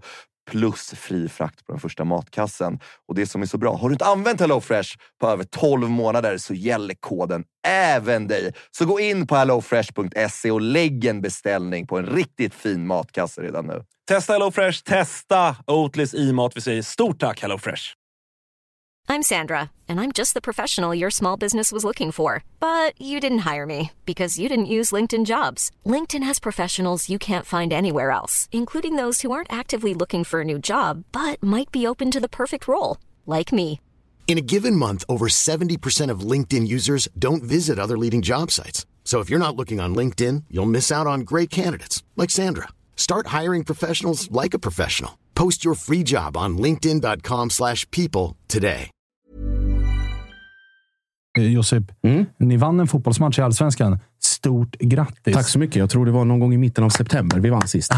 så att det är stort. Ja, Ola Toivonen går för eh, skytteligan nu. Stod för tre strutar. Och Mohamed Buya Turay, han vet fortfarande vart målet står. Så är det. Det förvånar mig, för det har han inte visat upp hittills. Men det som krävdes är att han står och fiskar som pojkar 12 i liksom 88 mot ett desperat och uselt Varberg för att han ska göra mål. Alltså. Det är bara målen som räknas. Eh, hur de går till spelar mindre roll. Men eh, nej, 5-2. Det var väl... Eh, folk fick lite panik där när Varberg gjorde 2-1 direkt efter Malmös 2-0 mål och tänkte ja, nu, nu kommer korthuset igen. Men eh, Ola var på humör och visade väl återigen att gammal är äldst. Eh, och det var inget, inget snack. Det är Nytt kontrakt på bordet. Ja, eh, vi, Han drar tillbaka. Vi skämtade, vi skämtade innan vi sa det. Så här, Malmö, Malmös styrelse med den logiken kommer ju bli att ja, men ett nytt år för varje mål. Så det, ja. Men det, det nickmålet är ju otrolig klass. Eh, det är när det är han eh, liksom stångnickar in den på bortre och prickar stolpen och, och in. Eh, och sen är det då två fina inspel som han, som han lyckas lösa eh, bra. Så eh, ja, Men du, eh, jag är lite sugen på så här, när du bevittnade den här matchen. Mm. Var det tillbaka lutat i soffan och skitsamma? Eller hur jag har faktiskt livescore. Aha. Så Till och jag- med så illa just ja, nu. nej, nej, det var inget. Det var andra å, äh, åtaganden där och då. Men det, var, det plingade friskt. Och då Ah, fick, man ju, okej. fick man lite puls när det stod där Varberg 2-1. Oh, oh, oh. Då började det krypa på lite. Men nej, det var, det var, det var skönt för, för alla tror jag. Och återigen, min Zidane-tes lever ju. Han fortsätter att göra poäng. Ja, och. Malmö fortsätter att göra mål, Mål framåt när och han vinna. spelar. Och Ja. vinna. Och även eh, ju faktiskt alltså, lite på Ola Toivonen eh, liksom spåret. Men eh, att ingen Kiese. Fem mål framåt, tre poäng. Om man vill vara elak. Om man vill, ja. Bara, Eh, ut. jag är lite så här, jag hade velat ringa Ola Toivonen och fråga hur han själv tänker inför den sista matchen. För det är hans kära Degerfors på hemmaplan. Och Poetiskt. Vi, vi vet hur det, Ja, men alltså poetiskt. Alltså, vi vet ju om att Ola Toivonen är lite av en gris på fotbollsplanen. Inte så lite alla gånger, utan ibland också en ganska stor gris. Det vore ju det grisigaste ifall han är den som skjuter degen från säker mark till en kvalplats. Han har ju, Ola slog ju själv degen Eh, Han gjorde var- båda i våras ju. Ja, Det var Ola Toivonen, Degerfors IF 2-0 eh, på Stora Valla. Otroligt alltså. Så det, det finns nog en ganska hög eh, sannolikhet eller risk, beroende på vem man frågar, att, det- att det blir så igen. Men och nu i den här Man målformen redan, också. man ser ju Mm. framför sig samtalet i Davva redan nu. Hur uppgiven han är över att det är Ola som har gett honom ett kval. Ja, ja, och att liksom de har kidnappat Olas pappa som väl är huvudtränare för damlaget. att han ligger i Davas källare liksom, sagt att hela familjen Toivonen, persona non grata i bruket. Sjukt vore det. Sjukt Nej, men det, Degen ska, de ska nog kunna lösa det utan Malmös hjälp. De där bakom är, alltså om vi bara tittar på, när det, om, som Walter var inne på, det står mellan Degen och Varberg. Och Varberg har ju inte en suck kvar att hämta i något Nej, men möter ett Sirius som inte har något att spela för det sista. Ja, Som är så dåliga. Alltså, jag såg delar av deras match mot Sundsvall. Igår. Alltså, herregud. Ja, det- Alltså, där, där hade man kunnat varit så här. Vilka av de här är det som redan sedan tio omgångar tillbaka är klara att åka ur? Alltså, så dåliga Sirius Men ja, å andra sidan, sista natten med gänget för en del av dem. Ganska många, så det, ja, får se. Vi får se. Det väntar en intressant avslutning av den här serien i bottenregionen i alla fall. Eh, August, eller vill du säga något mer om Malmö-matchen? Eller ska vi Nej, skita i den? Då skiter. Fem lätta. Fem lätta. Du, eh, Aldrig orolig. Vi, eh, på tal om aldrig vara orolig då. Eh, AIK, tog en, AIK tog en planenlig seger nere på Strandvallen. Jajamän. Eh, och där var, det ju, eh, där var det ju en första halvlek där man också undrade om det faktiskt var ett bortalag som var klara för Superettan 2023. Ja, alltså, som Mjällby blåste oss av banan första 30. Alltså. Eh, nej, det, det är, vi har ju tur att det inte står 2-0 efter en kvart. Eh, på, på, på den nivån är det. Det är- Kristoffer Nordfeldt och, och liksom viss oskärpa och kanske bristande kvalitet på, på Mjällbys offensiva spelare som, eh, som räddar oss där. Eh, men sen så kommer istället 1-0. Eh, klassmål ju, får man ändå säga, av eh, Yasin Ayari som Eh, ja, men som är väl den liksom solklart bästa AIK-spelaren den här säsongen. Eh, som ju tagit enorma kliv och man, eh, man är glad för varje minut man får se honom i AIK-tröjan. För att det är väl bara en tidsfråga innan han säljs. Så bra är han. Vi, har ju pratat om honom mycket. Att den liksom röda tråden, i alla fall nu under hösten, när AIK har gjort bra insatser och svaga insatser, är Yasin Ayari. Han saknades mot Blåvitt. AIK är jättedåliga. Eh, han saknades mot, vilka var det mer? Han tar rött mot Häcken, ja. Eh, och, sen, och sen var han skadad någon match. Alltså, det är liksom varenda match som AIK, de, de riktiga plattmatcherna, det är när Yasin har saknats. Eh, Och han gör ju också en hel del poäng. Nu är han uppe på fyra verkligen. mål, två assist. Han gjorde mål i kvalet till Europa Mm. och sådär. Så det är en, från central mittfältsposition en poängspelare som är 19 år gammal. Och han kommer väl inte att spela premiären för AIK 2023? Jag har, jättes, jag har jättesvårt att, att se det. Eh, sen så hoppas jag väl det såklart, både för liksom AIKs sportsliga skull, även om det eh, säkerligen finns liksom en stor påse pengar att inkassera eh, vid den försäljningen. Eh, men också för att jag tror att han ändå kanske skulle må bra av ett halvår i alla fall till i allsvenskan. Eh, men eh, nej, men det, det mesta pekar väl på att han, han säljs. Inte minst med tanke på att han gör nu också poäng, vilket ju eh, är väl kanske det som man har haft invändning mot en sån som till exempel Bilal, Bilal Hussein. Att han gör för få poäng och vilket man kände lite kring Yasin i början. Att han behöver göra några fler poäng för att det, vi ska snacka liksom summor kring vad vet jag, 50 miljoner. Och nu pratas det om, alltså i somras var det AZ, nu börjar det viskas om eh, Villarreal. Alltså det börjar bli ganska stora drakar som är där och kikar. Och när de klubbarna börjar nämnas så blir det ju ofta svårt att behålla. Ja, nej, verkligen. Eh, och så eh, man får väl inse kanske liksom det att han är förlorad och bara eh, bli så där kapitalistiskt ocharmig som vi fotbollssupportrar blir mer och mer och, och se våra unga spelare som eh, ja, någon form av penga, pengapåse. Eh, men det är, väl, det är väl där vi är och eh, hoppas det blir någon jävla dragkamp. Eh, men Villarreal låter spännande. Det, Han har- det tycker jag... Han har passat också. Ja, han har varit fin där. Alltså. Han har varit fin. Eh, nej, men annars var det väl det var en match som... Alltså om Josip är utcheckad så, så, så då, då är jag det också från, från AIKs matcher. Det är liksom, eh, visst, man fick väl något sådär form av hopp när Kalmar gör 1-1. Då tänkte man, fan, och så kan de knipa tre där. Eller 1-1 skulle det bli ju. Kryss. Mm. Och så ska ni åka ner till Helsingborg som, inte, som kan slappna av lite. och sådär. Det är klart, man, man började ju lägga något form av pussel, men, men innerst inne känner man väl att, att det här är kört oavsett. Så att, eh, men eh, kul för dem på plats och kul för eh, Seb och Lustig fick sig en, eh, en tillhyllning efter matchen. Eh, bra timing plus till alla som var på plats. Ta det då söndag som kommer. Fokus Per Karlsson. Eh, men tack för allt Sebastian Larsson och Micke Lustig. En spelare som ju faktiskt lite i skymundan fortsätter att göra bra säsonger för AIK är Nicolas Stefanelli. Vann ju interna skytteligan i fjol. Nu är han väl uppe på typ nio kassar eller någonting. Har gjort ett par assist på det. Mål i fyra raka derby mot Djurgården. Har ett år kvar på kontraktet och med tanke på att AIK nu sitter med John Guidetti och Omar Faraj. Vad eh, tänker du kring eh, Nicolas Stefanellis framtid i AIK? Det är alltid spe speciellt ju när det är ett år kvar. Mm. Att här, sälja, spela ut kontraktet. Hur ska man göra?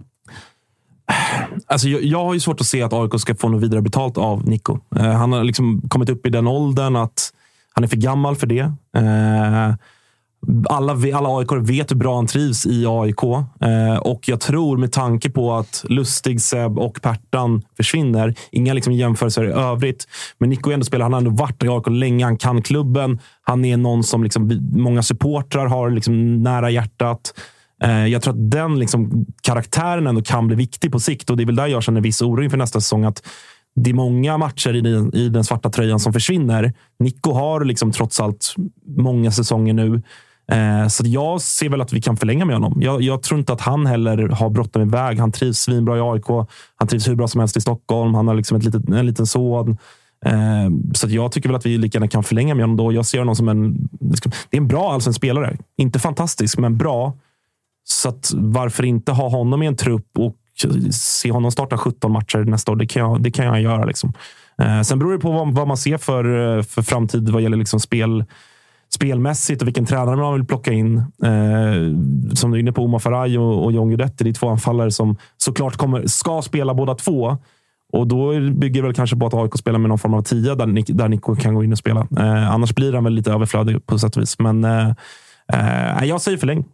Förläng, säger du. Mm. Eh, vi får väl se. Det kommer väl hända en hel del runt AIK. Frågan är hur mycket som kommer hända runt Bayern. Mm. Bayern vann till slut en fotbollsmatch i den här serien. Eh, det behövde man göra för att säkra Europaplats och inte åka ner till Helsingborg och ha rejält jävla darr på ribban. Eh, men det satt halvlångt in, eller? Ja, jag vet fan. Vi, vi tar ledning efter två, tre minuter. Så att, och vi, vi så vi leder ju matchen i stort sett hela tiden, för det där krysset 1-1 står sig det är väl, ganska, det är väl en ganska kort period. Nu, nu har jag inte huvudet, men, men det är inte många minuter som, som det är. Sex, sex, sex minuter. Sex minuter. 53 ja, ser, ja. 59 så att, ja, jag vet Han du bli nervös då när 1 han kom? Ja, för fan. Det är klart. Självklart. Det, det, det var man ju. Och dessutom så som matchbilden såg ut. Och det, det var lite intressant att se att det, Kalmar vinner ju bollinnehavet och det, det har ju inte hänt tidigare i år. Eh, men, men det tror jag i och för sig är en konsekvens av att Bayern tar ledningen minut två, tre och eh, låter Häcken ha bollen ganska mycket i, i, sen har ju Bayern bud på, på 2-0 innan dess också, men, men, eh, eller mm, låter Kalmar ha bollen en del. Eh, för att det, Kalmar skapar inte särskilt mycket. Så att, eh, och där, där är ju, det pratade Mickelsen också om på presskonferensen efteråt när just den frågan kommer upp. Att eh, possession är ju liksom, eh, det är en del i Hammarbys spel, men framför allt handlar det om positioneringen. Och så länge positionen är rätt så, så kan det vara okej att låta motståndaren bollen, förutsatt att man då leder, för vi behöver inte göra mål. Ehm, så att eh, jag tycker det är en jävligt snyggt genomfört match av Bayern. Att eh, vi tar, tar ledningen, sen så, så får Häcken ha en del boll. Sen så lyckas Häcken göra 1-1 då, men då, då, så tar det sex minuter och sen så, så leder Bayern igen och så gör vi ett ytterligare till. Så att, det, det var liksom, ja, det var väldigt eh, påkopplat på något vis. Eh, att, ehm, när, när de behöver rycka upp sig och liksom skapa mer anfallsfotboll, då, då gör de det och eh, gör mål också på, på lägena. Ja, och så här, det finns ju någonstans, även om det då kanske inte satt långt inne då, med tanke på hur det blev, så var det ändå någonstans att det visades ett pannben som vi ifrågasatte ju omgångarna tidigare. När det, ja. man kryssar hemma mot ett ganska dassigt Sirius. Mm. Man åker till ett Elfsborg borta och är så här, ja, Bayern har ju varit bättre än Elfsborg hela den här säsongen. Den matchen förlorar man. Man tänkte ju, och det är kanske bara jag som är hoppfull gnagare, men man tänkte ju när 1-1 målet kom. Jag såg inte hela den här matchen, jag såg eh, första halvlek. Och där delar jag ju din bild. att så här, Kalmar har ganska mycket boll. Sen behöver jag åka in och jobba. Det kommer pling på livescore 1-1. Då tänker man, ah, ska de darra nu igen? Och Det mm. måste ju varit en känsla som ni på läktarplats kände att så här, nej, mm. inte, en, inte tre raka matcher där vi bara ska säkra den här jävla platsen innan det går för guldet. Mm. Liksom, ska vi skita på oss en gång till? Nej, visst, men, men som sagt, det var ganska kort tid man behövde vara, vara orolig för att vi, vi leder ju matchen i stort sett hela tiden. Då, men, mm. Men sen mot, mot Sirius där som du nämner, så visst, det är ju det är en choke naturligtvis att, att eh, Bayern inte vinner den. Det, det ska man kunna begära, men, men när man tittar på matchen så är det ju helt sjukt att Bayern inte vinner den. Det, är ju, det, det har känts så hela året att det har varit liksom lite stolpe ut. eh, Som även Häcken borta där, liksom, där vi lyckas göra självmål. eh, Liksom. Sista sekund. Ja, Mm. och sådär. Och, och där, just XG-siffrorna på den där Sirius-matchen. För Bayern har ganska lågt XG i den här serien, måste man komma ihåg. Trots att vi gör ganska mycket mål så, så har vi nog överpresterat där. Många lag som har bättre XG än oss, men, men i den matchen har vi typ 4,75. Eh, vilket är, Vilket är extremt högt för folk som inte kan ja, XG. Och, och Sirius eh, har typ 0,7 0,7, varav 0,4 av dem är det friläge som vi ger dem. Så att, alltså, det är helt sjukt att vi inte vinner den matchen mot Sirius. Så, men, men det är liksom svårt att vara förbannad på, på prestationen. Eh, Men, men visst, det var ju, och det är det också, tror jag, eller jag är övertygad om, att det är, det är därför också insatsen mot Elfsborg kommer. För att eh, truppen kände ju det, liksom, att luften gick ur den här. Att det, det var ju, det var ju sån, sån jävla pungspark, det krysset hemma där. Säsongen var lite över då. Liksom. Vad eh, ser du i spåkulan här då till eh, vintern? För att nu kan ni ändå åka ner till Helsingborg, ni kan andas Ja. och liksom Europa är klart. Men och så här, tränarbänken, den ska ju inte hända någonting med. Marti ska ju sitta kvar. Ja, man hoppas det. Det, det, det är upp till Marti förstås. Eh, Där är man Men han har väl liksom- kontrakt, eller? Ja, gud ja. ja. Självklart. Men, men, eh, men jag litar inte på honom eh, så tillvida. Det har du lärt dig. ja, det, det har jag lärt mig den hårda vägen. Men, men dessutom också med, med, med den historik Marti har. Då måste man komma ihåg liksom att han, han kom till Ålborg, gjorde det bra, hade kontrakt där och sen så drar han efter ett år till Bayern. Och eh, de, de i Ålborg var inte så glada i honom när han gjorde den transfern. Och, och då måste man ju förstå vår position i näringskedjan. Även om jag tycker naturligtvis att Bayern är intressant och nåbar. Men kommer någon annan klubb och rycker honom så, så ska man inte vara övertygad om eh, att han inte är intresserad av det erbjudandet. Nej, det Eh, finns ju ett FCK som Ja, visst. eh, Alltså, man, man vet, man vet aldrig vad som händer, men, men det ligger ju naturligtvis hos honom. Då. Alltså Bang, han ska ingenstans ut från vårt perspektiv. Men, eh, nej, men jag hoppas att det blir en ganska lugn vinter. Jag, jag har suttit här en, eh, ett antal avsnitt och slitit med håren när, när du, du, du sitter och säger att Bayern gick, satsar för guldet här i sommar, ta in fem, sex värvningar och sådär. Men, men, men det är ju trots allt så att många av de värvningarna Visst, Berisha, det, det är väl liksom, det är någon form av satsning och, och även Pinas. Och det, det säger Jansson också, mm, som diskuterade här igår inför matchen. Men, Och behålla Jehas ska vi ha med oss här. Absolut, absolut. Men de, de övriga tre som värvades i somras, då, eh, Vagic och eh, Saidi och, och Concha, då, vad, vad, det- nu är. Men, men det är ju någonting som ska Ja. prestera nästa år. Och vi, och vi tappade också fyra, fem spelare, startspelare eller i vart fall inhoppare under sommaren. Så det var egentligen ersättningar på numerären. Men så att jag hoppas att det ska bli en lugn vinter och, och det tror jag också är, är, är, klubbens avsikt. För det finns ju trots allt två transferfönster på året och, och nu har Bayern varit väldigt aktiva i det här sommarfönstret och då är väl tanken att det ska vara lite lugnare vinter. Men eh, Jehas kommer ju behöva ersättas eh, med all sannolikhet. Eh, även om han har kontrakt över nästa år och Bojanic har kontrakt i sommaren, men där mycket tyder på att han försvinner också. Han kanske man inte behöver ersätta på samma sätt. Eh, Han, han är ju oersättlig, de egenskaper han har, men, men där finns ju Demirol och det finns en del som kommer under, underifrån i HTFF och även Vagic, även om det är en annan typ av spelare. Men man kan ju liksom formatera om lite på, på mittfältet och kanske låta Besara vara den kreativa och sådär. Så att, eh, där, där känns det inte som att det där är supertydligt att vi måste ersätta Bojanic med någon liknande Bojanic, för det, det går inte. Men, men Jahas, vi har ju ingen vänsterback eh, så som det ser ut nu.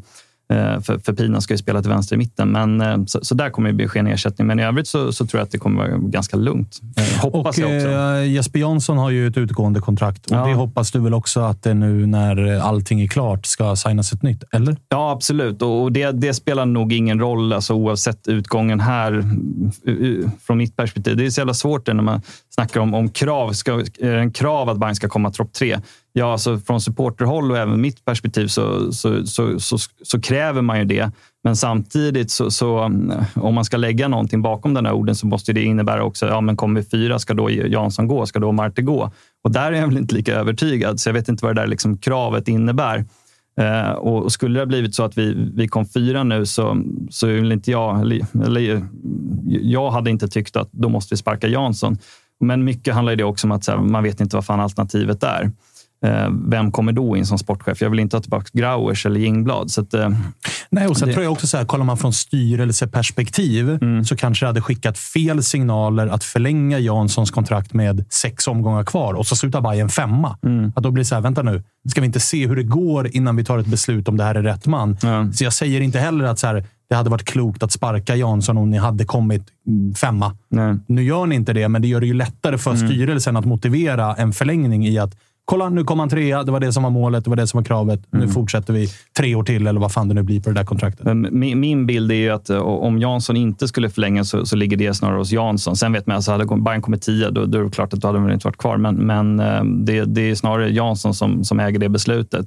För han, han har nog erbjudanden eh, och har nog möjlighet att göra något annat om han vill det. Så att, men, men det, det lutar väl åt, eh, känslan från hans sida är att han är inte klar utan han vill ju vinna allsvenskan med Bayern. Så att, eh, jag tror att han kommer krita på. Han har ju konsultavtal så det är lite speciell deal. Han är inte anställd av klubben. Ah, okay. Eh, Så han, han fakturerar ju månadsvis då. Fan vad sjukt. Eller? Lite Eller som kanske vi. är vanligt. Det är lite som vi. Ja, det är därför det är så jävla löjligt. Jag såg någon, om det var bladet eller någon som hade artikel, hur mycket tjänar sportcheferna? Liksom. Jansson han är anställd i sitt egna konsultbolag, så att han tar väl ut den lönen så att han får skatta så lite som möjligt. Liksom. Eh, och det säger inte så mycket om hur mycket Bayern pröjsar Ja, verkligen inte. Verkligen men, inte. eh, Det nej, vet Svanen allt om. Där, tro mig, där är jag bevandrad.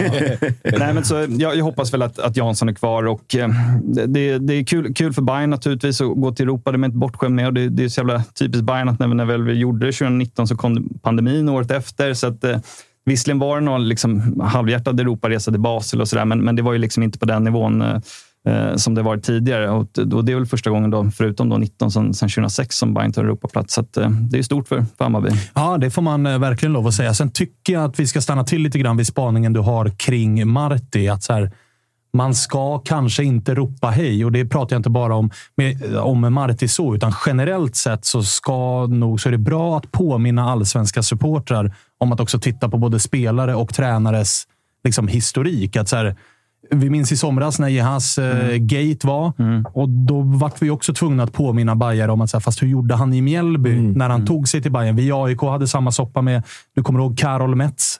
Som var i en jävla pissklubb i Holland och bråkade därifrån för att komma till AIK. Och sen stod vi i AIK och var helt förvånade när han bråkade sig bort för det kom något bud från Saudi.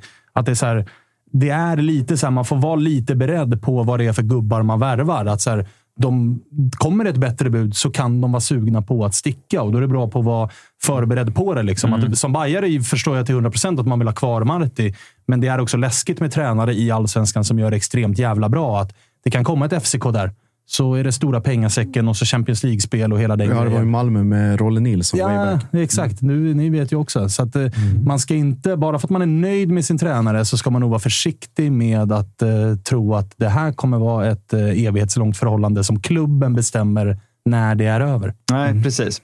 Eh, och särskilt när man gör bra, som, som man får säga Marta har gjort i år. Men, Verkligen. eh, nej, men det, det som är väl eh, huvudbrytning för, för nästa säsong, enligt mitt, mitt tycke, där, där tycker många olika, men, men det, det är ju att få igång Berisha på något vis. Mm, är, du, är du orolig där efter det du har sett i höst? Nej, alltså som jag, jag tycker Hjelmberg sa, sa det jävligt bra i någon, någon podd han var med om. att eh, alltså, När Berisha kom så var ju han liksom, alla såg ju vilken jävla klass det var. Och nu, då, vid det tillfället, när han intervjuades, då har Berisha gått mållös i fem matcher. Och det är ju ingen då som, som tror att Berisha är en sämre spelare efter de fem mållösa matcherna än vad han var när han kom. Så att, eh, han, är ju, ehm, han är ju lika bra som tidigare, men det kanske är ett problem att vara nia i Bayern. Och, och det jag känner är väl om man lassar de pengarna på, på en striker, då, då kan ju inte det liksom, den enda uppgiften vara att sträcka försvar och ta Nej. löpningar för andra. Det kan ju billigare Ja, versioner exakt. göra. Då- då liksom. kan Alltså, det- då det kan- gjorde ju Selmani. Ja, Ja, exakt. exakt. Då, då, kan ju, då kan ju Rabi spela lika gärna. Liksom. Ehm, så att jag tycker ju att, att det är ett problem eh, sett till vad han kostar. Då måste han bli mer involverad. För att, eh, jag tycker inte han heller har bränt någonting, utan det, det är mot... eh, ju- ja, Sirius hemma Ja, har han ja. två jättechanser. Ja, och eh, kanske Djurgården och sådär. Men, men, men fram till den matchen, om han hade sett friläget han mot Djurgården, då hade han ju i stort sett varit 100% Och är man 100% då, då spelar man inte allsvenskan. Liksom. Eh, Så de får ju, även en, en bra striker som är välbetald får ju missa några lägen. Liksom. Men, men utöver dem så, så känns det inte som att han har liksom bränt så mycket, utan snarare att han inte har blivit involverad. Han har inte fått bollen i, liksom, i tajta lägen. Och Det är väl det som, som jag ser som ett problem, att man, man måste hitta något sätt under vintern här att få Berisha mer involverad i spelet, sätta han i bättre avslutslägen. Och det, man, det man undrar där är ju, är det Marti som har pekat på, på Berisha eller är det Jesper Jansson som har velat göra Berisha-värvningen? För att det som Ja. behöver, alltså om Berisha och Marti ska vara en del av Bayern 2023, vilket du både tror och hoppas, så är det ju någonstans den relationen att så här, Marti behöver hitta en fotboll som sätter honom i spel oftare. Det behöver jobbas på relationer mellan, Mm. ja, vad vet jag, Ludvigsson och Saidi och Concha och allt Mm. vad det är liksom som ska spela.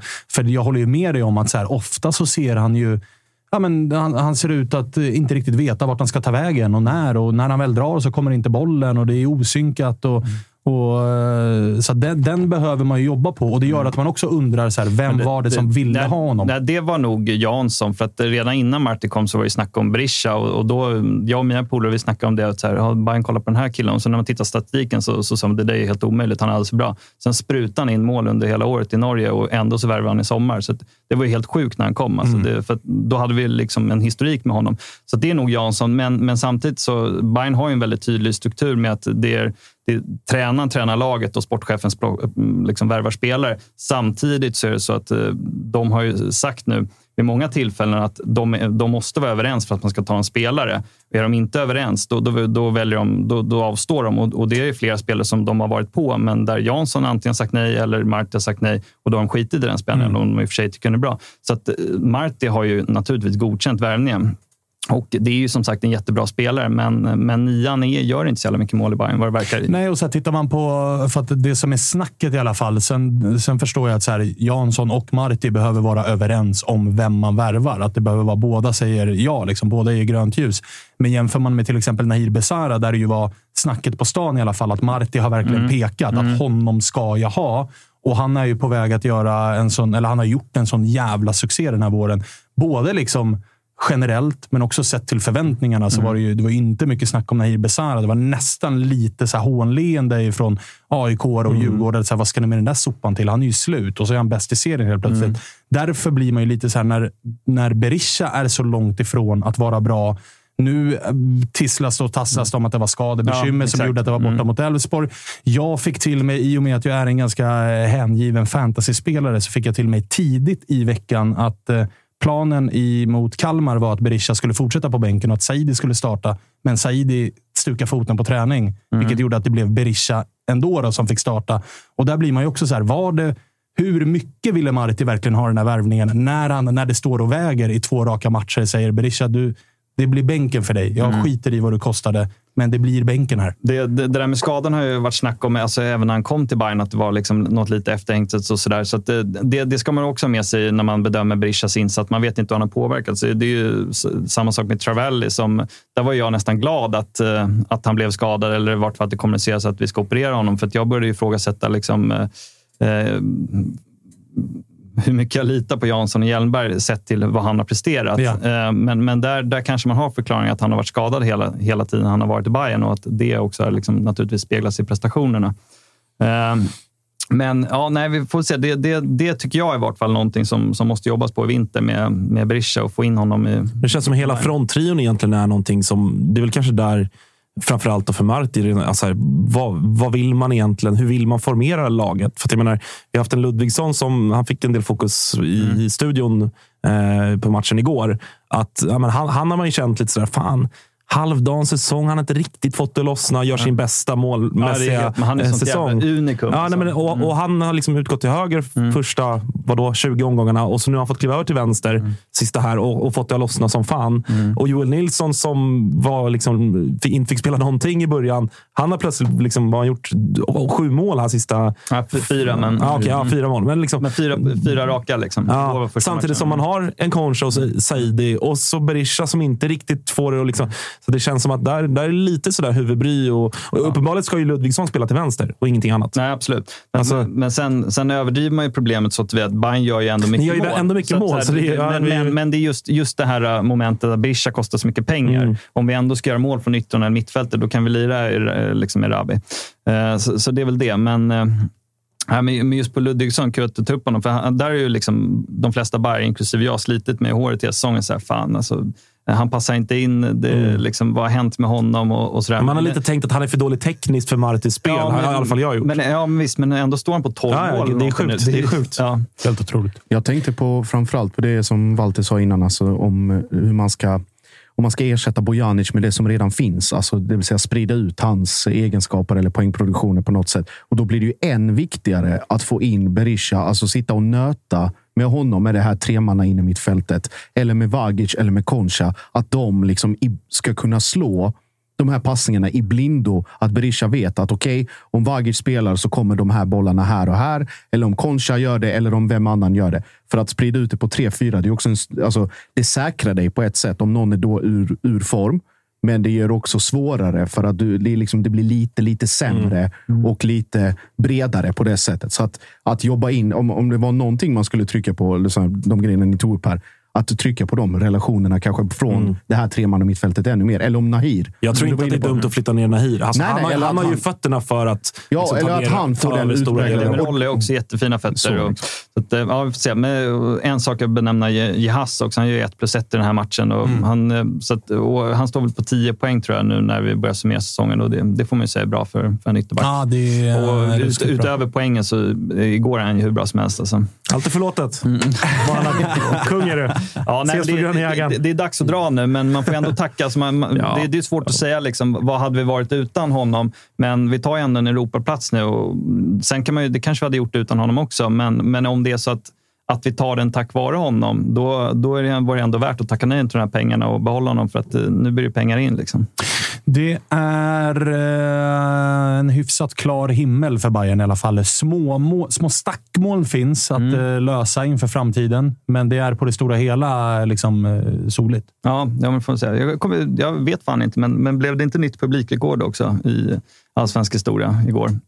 Så jag, jag tror är det. Bayern, Bayern har ju tidigare rekord sedan 2015. Men, alltså snitt över en säsong? Ja, exakt. Ja, jag, tror, eh, jag tror för att ja, när, när Bayern vann det 2015, eller vann det, men tog det rekordet som stod sedan 50-talet, tror jag, när Öster eller, eller Örgryte eller något hade någon, någon säsong. Då får man säga att då var det åtta hemmamatcher på den tiden också, på 50-talet. Men men jag tror, för det var lite snack om det inför den här matchen med, eh, mot Gnaget också. Ehm, men, men jag ja. tror, även om Gnaget drar 50 000 tror jag inte det räcker. Jo, det tror jag. Vi vinner, jag, det tror jag att det gör. Nu ska vi inte ha, jag ska inte svära på det. Jag, jag såg sett, någonstans att... Någon skrev typ att vi 48 000 måste vi ha, men det kommer vi inte ha. Det men, kommer vi inte ha, men någon, publiksnittet... Eh, alltså, om AIK, exakt, om AIK har 48 eller vad fan det var, mm. så kommer AIK att vinna publikligan. jag tyckte det lät för de, för de som mm. bryr sig. Ja. Mm. Eh, men det är ändå... Men det är, det är ju ändå kul för, för serien på något vis att, att uh, ha ett hemmasnitt på 26 000 eller någonting. Det, det är, starkt. Det är bra. Det är, bra. Det är, starkt. Mm. det, är det definitivt.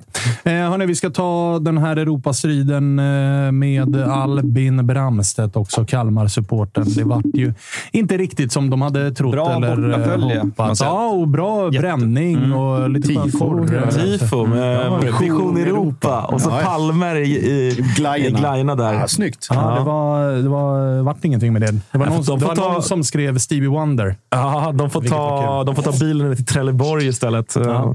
Svenska cupen kanske. Albin, hur är läget? Det är bara bra med mig tänkte jag säga, men det är det ju i och för sig inte. Eh, det var ju ingen rolig match igår och det kommer vi väl komma in på lite senare. Eh, det, kan det, det känns ganska uppgivet nu, men vi fick ju också en ganska positiv nyhet tycker jag. Men det kommer vi väl också in på snart. Så. Ja, eh, ja, ja, vi kan väl börja med, med matchen. Hur mycket trodde du på det inför? Nej, men alltså man har väl inget annat alternativ än att tro på det fullt ut. Liksom. Eh, den här chansen har vi inte haft på oerhört många år eh, att nå Europa. Liksom. Eh, finns ingen anledning, trots att vi vet att Bayern är otroligt bra, att, att inte tro på det. Sen vet vi också att vi har det ganska svårt borta mot Bayern och har det väl ganska svårt på konstgräs i stort också. Så det är klart att det fanns ju några farhågor att det skulle bli tufft. Liksom. Men eh, jag, jag, var, jag var liksom eh, jag hoppades på vinst helt enkelt, men eh, det blev ju tvärtom tyvärr. Ja, och så här, mardrömstart på alla sätt och vis när målet eh, kommer så pass tidigt. Sen var vi inne på att så här, ni gör ju på det stora hela en ganska bra första halvlek spelmässigt. Ju. Ja, absolut. Jag tycker också där i början av andra jag, vi, tycker jag nästan vi är eh, bättre än, än Bayern. Liksom. Tappar lite och de gör väl två snabba mål och eh, punkterar matchen där på något sätt. Det känns verkligen som att luften går ut och även fast vi kommer ikapp igen så Ah, jag vet inte, det kändes aldrig... Jag tyckte inte riktigt att Bayern kändes riktigt hotade någon gång egentligen. Eh, helt okej okay insats från vår sida, men eh, det räckte tyvärr inte till helt enkelt. Hur surt är det då? Eller är det, eh, har du liksom redan börjat landa i att så här, fan, vi gör en bra säsong här? Eh, men det var ju lite det jag var inne på tidigare. Jag tycker liksom att eh, söndagen bjöd på kan man kalla det för två tragedier och en ljusglimt på något sätt. Eh, det här med såklart förlusten Efterspelet med Erik Israelsson som eh, var oerhört tråkigt. Men eh, vi fick ju ändå ganska klara besked av Rydström live i Discoverys intervju efteråt att han ska ju stanna. Liksom. Eh, enligt han själv i alla fall. Och, eh, nu är det en match kvar av säsongen och vi får göra det bästa av det. Liksom. Vi försöker klättra förbi ditt kära AIK och hoppas på att eh, kuppen går gynnsamt för oss helt enkelt. Eh, mer än så kan vi inte göra. Okej, okay, men du, eh, du tog upp det själv. Vart vill du börja? Vill du börja med Israelsson eller vill du börja med Rydström? Ja, vi kanske kan börja med det tråkiga först. Eh, det blir ju väldigt... Ja, jag vet inte riktigt vad jag ska säga. Jag, jag vill inte riktigt... Eh, egentligen inte riktigt ge mig in i den diskussionen och, och liksom kasta grejer på Erik. För det, han är en för fin kille och han har betytt så jäkla mycket för KFF. Men det blir ju lite konstigt när Alltså det, är liksom, det finns så många omständigheter kring det här som gör att det blir fel. Det hade varit en annan grej om det hade varit sista matchen eller näst sista matchen och det inte hade betytt någonting. Eh, alltså slutresultatet. Men eh, alltså, det är liksom, vi möter vår direkta konkurrent om Europaplatser och så ska man ja, ställa sig i publiken, i motståndarpubliken och, och sjunga någon ramsa. Alltså, jag tror inte att det är någon förening eller någon, något lags supportrar som riktigt hade diggat det. Eh, och sen så när vi också tackade av honom efter Mjäll, eller i halvtid i Mjällby-matchen. Jag vet inte. Jag förstår på ett sätt reaktionerna från eh, som det har skapat det här. Eh, sen är det, det har skrivits väldigt, väldigt hårda grejer om honom och det tycker jag inte är riktigt okej. Okay. Men, men jag förstår att, att eh, liksom, det finns många supportrar som känner sig svikna och inte minst de på plats. Ska de stå på andra sidan liksom, och se Eh, lagkapten och eh, fortsatt kontrakterad spelare dra igång en rams med bortalaget som vi är direkta konkurrenter med. Nej, jag vet inte. Lite dålig timing tycker jag. Men du, eh, jag var inne, vi tog upp det här lite lätt bara i tidigt i avsnittet och då var jag inne på att för det här sker ju innan matchen. Eh, vilket är en mm. grej. Men det kan ju inte ha kommit som någon nyhet att han skulle typ tackas av av Bayerns publik med tanke på att Bayern själva officiellt gick ut med att så här, vi ska tacka Erik Israelsson för det han har gjort i Bayern.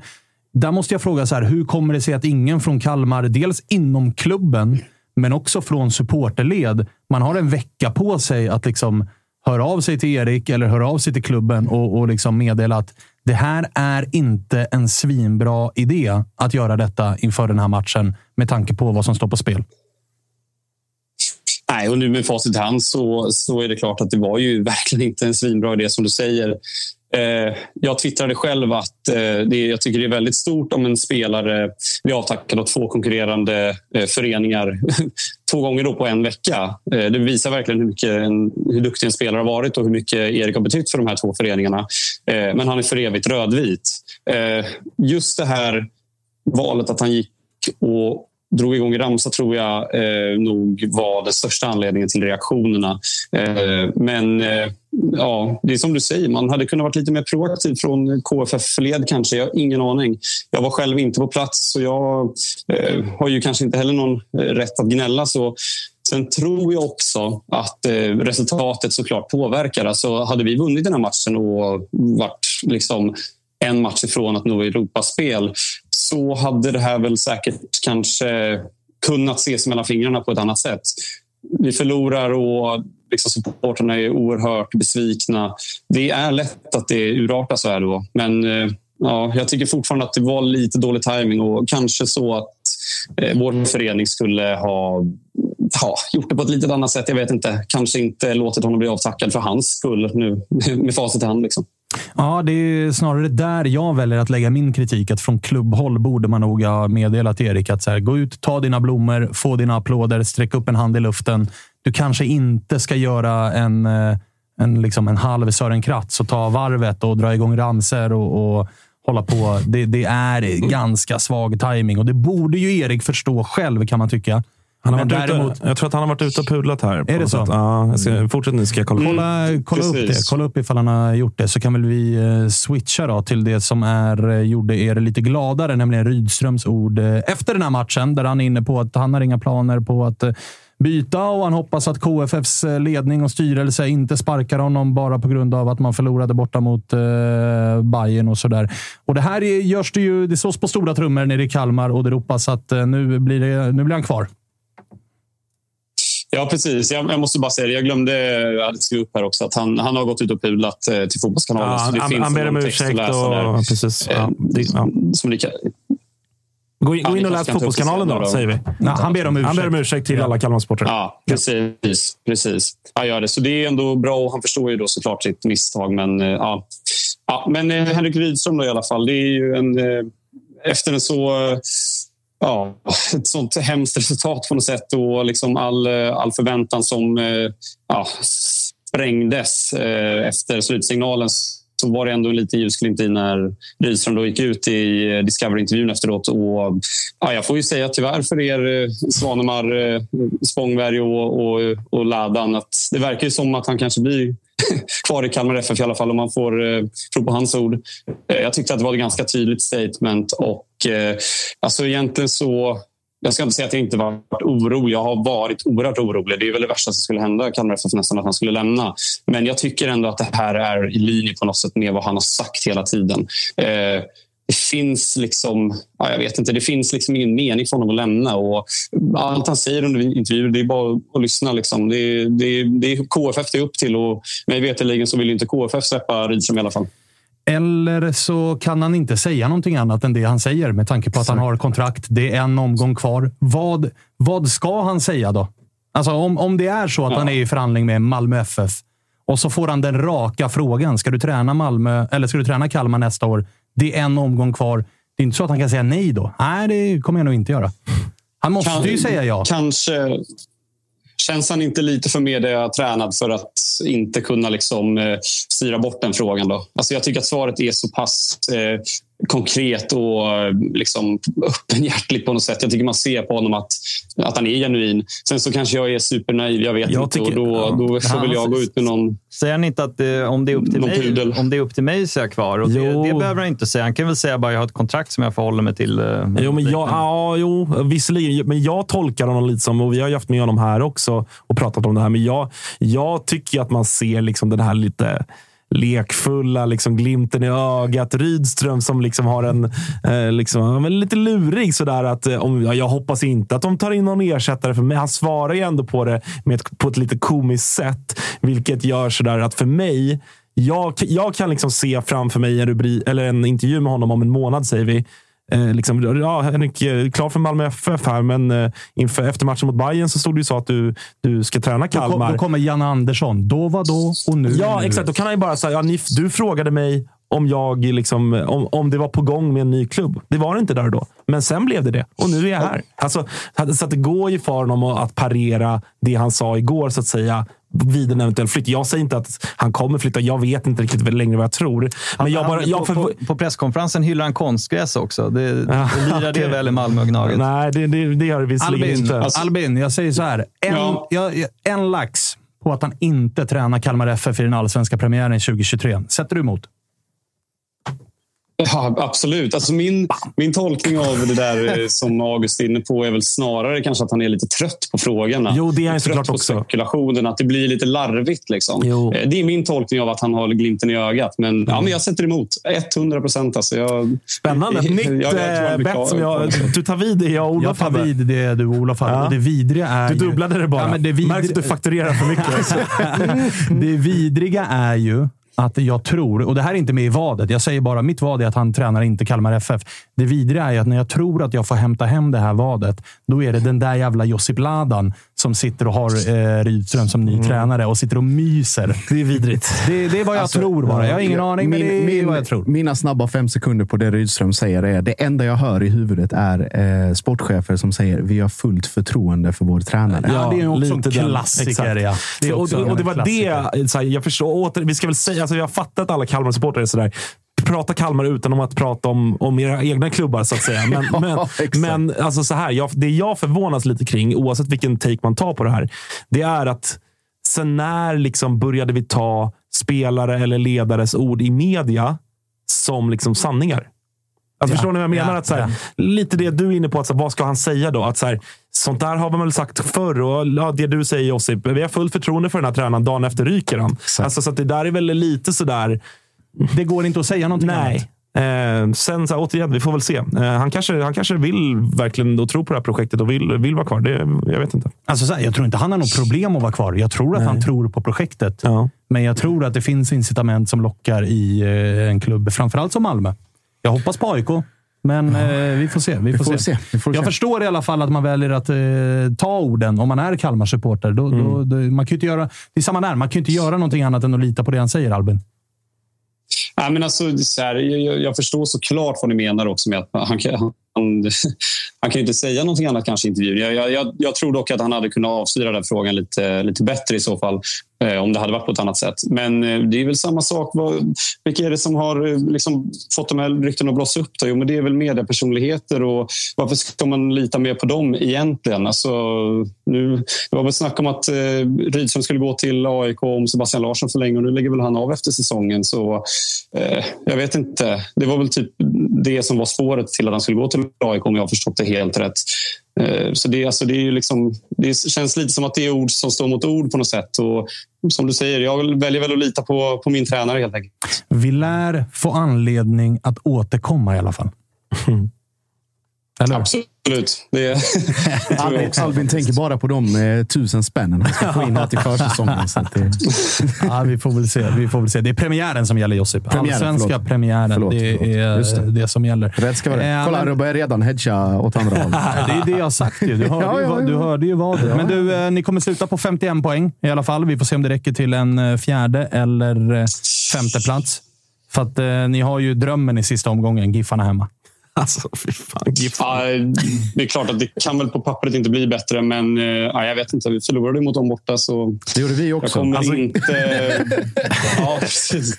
Ja, de är farliga hemma, eh, Giffarna. Alltså. Nej, men eh, jag kommer nog inte glädjas förrän den matchen är färdigspelad nästa söndag. Är det väl. Och förhoppningsvis så kan jag glädjas över att AIK ja, gör en liten plump där mot eh, Elfsborg också så att vi faktiskt har chansen på, på Europaplatsen även fast det är en ganska stor reach. Eh, men vi måste göra vårt jobb helt enkelt och det ska ju bara vara tre poäng hemma mot Giffarna såklart. Härligt Albin. Det kan jag trösta dig med i alla fall att det kommer det bli. Sen får vi se vad AIK hittar på, för det vet man fan aldrig nu för tiden. Men eh, vi får se om det räcker till en eh, fjärde plats eller inte. Tack för att vi fick eh, ringa. Stort tack för att jag fick vara med. Vi hörs då. Ha det bra. De har bara tagit hans avslutning här. Så här. De åker ju, alltså, det har vi alla vetat och det är vad det är. Men liksom, sen dess, typ. Så här, Värnamo hemma. Antonsson 90 1-2. Torsk. Och sen åka det, ta bussen ner till Stockholm. Inte få låna bollen mot Diffen på Tele2. 4-0 i prutten. Sista hemmamatchen. Vi ändå avsluta med värdighet nu boys. Kom igen nu, nu tar vi en, nu tar vi en pinne här. K- KK 93. 2-3 torsk. Och så avsluta borta mot Kalmar, inte få låna bollen. Alltså, vilken mardröm alltså. Det är som, vilken det är som fyra alltså. pungsparkar när man Ja, redan ligger alltså, ner. liksom. Verkligen alltså. Men heder till min eh, kära vän Pontus Engblom. Han fortsätter, Han fortsätter göra mål. alltså. Vad, är- han uppe på? Det är tvåsiffrigt. Det är tvåsiffrigt, va? Det är Mm. definitivt. Ska se, alltså. ska se. Eh, Definitivt. Medan du kollar det, så Kalle, du eh, vill också in i Elva. Rydström-såpan. Mm. Jag tänkte faktiskt eh, beblanda mig med den. Och jag har lite odds på huruvida Henrik eh, Rydström kommer coacha Kalmar FF i Allsvenskan 2023. Ja, 1,45 hos Unibet. Nej, 2,55 också hos Unibet.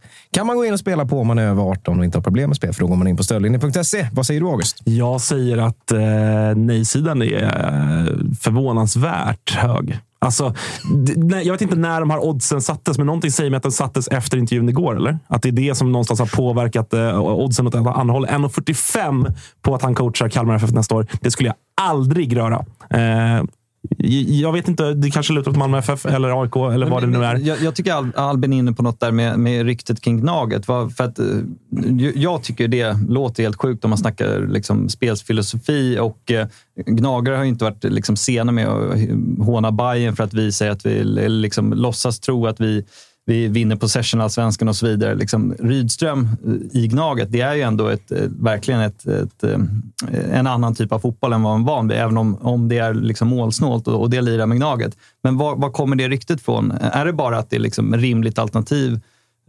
Eftersom att Gnaget ska ha en ersättare. Eller finns det Alltså, liksom något konkret som sätter Rydström i Gnaget? Det konkreta är väl att eh, Josips gamla kollega Disco, det var väl då det exploderade. När Ja, Disco han- han har avslöjade väl att avslöjat att Rydström är AIK överst på, på önskelistan. Liksom. Det var väl då Ja, det ja, på- okej. briserade. Liksom. Mm. Så Ja, uppenbarligen... På, på AIKs önskelista. Men, men ja, sen, exakt. Mm, mm. Och då, sen, är det, sen har man ingen... Ja, så Mm. är det ju definitivt. Och där var det väl Alexander Axén va, som i podden Mm. Fans Corner eh, avslöjade att han... Eh, Det är smset. sms, eh, att Rydström smsat Sebastian Larsson och stannar du ett år till så kommer jag och hela Okej. den här grejen. Mm. Så att det har ju varit... Det är ju än så länge ett pussel där det bara är två av tusen bitar som är lagda. Det håller jag med dig verkligen om. Att det är... Som det med all- Jag som all Al- silly Al- Al- season. Albin har ju verkligen en poäng i att så här, vem ska man lita på? Obekräftade medieuppgifter eller Rydström själv som säger att jag är kvar. Men sen visst, Ja, jag skulle håller väga med. dem ungefär lika tungt om jag ska vara ärlig. Alltså, jag, utifrån att han har ett kontrakt, och så här, vad, han- vad ska han Och säga? utifrån Alltså, så här, egen erfarenhet, jag tror, alltså så här, jag har, med tanke på vad som sägs utåt och vad som sen visar sig vara sanningen bara två veckor, eller tre dagar eller fyra månader senare. Oavsett vem det är som säger det, om det är huvudpersonen själv eller ens källor eller vad det nu än är. Man ska ta allting som sägs med en grävskopa salt. I alla fall från kontrakterade... Det, alltså, dels det, men det också- finns ju ingen anledning för eh, liksom, en, en person som Disco att egentligen hitta på det. Nej, såklart Och han vi har ju ett färskt exempel i, eh, i Omar Faraj. Där det var liksom, vi har hört att du är aktuell för Djurgården och Bayern och han svarar själv, jag är öppen för allt. Och så går det 48 timmar och han har kritat för AIK. Det var inte så att AIK hörde av sig efter den intervjun och ville ha honom, utan Omar visste ju vad som var på gång. Han säger ändå att jag är öppen för allt och så är han klar för AIK. Så att, jag menar, att Rydström säger nej men jag har kontrakt och jag ska ingenstans och jag vill vara kvar när han är kontrakterad. Det återstår en omgång. Alltså det går in genom mitt ena öra och ut genom mitt andra öra. Ja, eller- Exakt lika fort. Eller exakt, alltså, om ni pratar AIK Rydström. Det var ju Expressen nu eh, innan vi gick på till och med där det, så, eller där det skrevs att eh, Brännström återigen är ett hett namn Ja, för Gnaget. fullt Så förståeligt. det är liksom, det är, sånt ändras ju till och Ja. från. Och hur det blir med Malmö. Och ingen vet. Alltså Malmö är ju sån status quo nu så att ingen vet heller vad de ska göra. Alltså, Ja, då, blir man, väntar, ju- då blir man inte förvånad om det, går, ut säsongen och hit och dit. om det går mindre än 24 timmar efter avslutad eh, allsvenska och Malmö presenterar eh, Henrik Rydström som tränare. Jag blir exakt 0 procent förvånad om det sker. Jag hoppas Albin får rätt i alla fall. Det är klart att du gör det. Det är klart att du gör det. För eh, jag ser på dig, du är lite orolig för Henrik Rydström i Malmö eller i AIK, för då blir det kamp. Ja, det tror jag. Mm, han är duktig. Det håller, jag, håller jag med om. Han står överst på min önskelista i alla fall. August också. Ja, det kan man säga. Ja, det kan man säga. Du är helt jävla Ja, kär. jag är så såld, såld på honom. Alltså. Säg inte, för mycket, här. säg inte för mycket nu, för när han blir klar för Malmö så kommer Josip sitta och leta upp grejer du har sagt om Rydström. Ja, för det sen det. vi pratade om det förut. Ja. Jag skulle Ja, lugna mig. lugn. Det är en okej tränare. Så. Ja, alltså jag behöver inte leta fram någonting. Internet gör det åt mig. Ja, det- så är det Inga definitivt. konstigheter. Out of context-kontot. Just det. Eh, hörni, det var ett jävla trevligt avsnitt. Det var framför allt kul att prata med en blarig Johan Hammar. Det är mycket trevligt. Ja, det gör man gärna om, höll jag på att säga. Men nej, det kanske räcker så. Så har vi pratat om Häcken. Tack ska ni ha. nej, men fan, grattis Häcken. Ja, verkligen. Det får Eh. Mycket, mycket välförtjänt. Välförtjänta svenska mästare Walter Josip, August och Kalle. Det var roligt att eh, tillbringa denna måndags eftermiddag med er. Vi är tillbaks igen på onsdag, va Kalle? Stämmer. Stämmer bra. Har du hört vilka som kommer då? Nej. Då kommer Tobias Sköldborg. Mm. Då kommer Marcus Tapper. Mm. Men framför allt så kommer Joakim Hanes. Åh, herrejävlar. Ah, det är bara att spänna fast, sig. Det är bara att spänna fast sig. Eh, drag i chatten har det varit, va? hoppas jag. Ja, men det har det varit. Det var väl så att nu när Häcken vann guld, då återgick chatten till att bara liksom så här olika Stockholmssupportrar kastar skit på varandra. Som, som det var i början. Och som, ja, så- alltid som, vanligt Som har igen. präglat 30 omgångar av Cirkeln navelskådning. sluten. Exakt. Alltså, tänk nästa år. Alltså, mardrömmen för Kalle är ju att ett Stockholmslag vinner SM-guld. För att chatten kommer ju antingen vara alltså Cifuentes-ramsan, som bara går. Eller så kommer det vara ju... Eller pianot. Eller piano-emojin som bara liksom... Det går inte ens att läsa vad folk skriver. Häcken svenska mästare 2023, 4, 5 kanske. Du Har det varit det. några getingar i chatten? Geting-emojin finns ju. jävligt dåligt med getingar Nej, faktiskt. nej, vi hade ju med Olle Transar, så att. De är ju framförallt bakis, va? ja, jo. Framförallt det. Eh, hörni, vi hörs igen på onsdag. Detta var ett härligt avsnitt. Vi, eh, glöm inte att följa oss på alla eh, sociala medier. Precis eh, överallt eh, finns vi. Till och med TikTok. Vi hörs onsdag. Hej, hej! Ses på Suellen.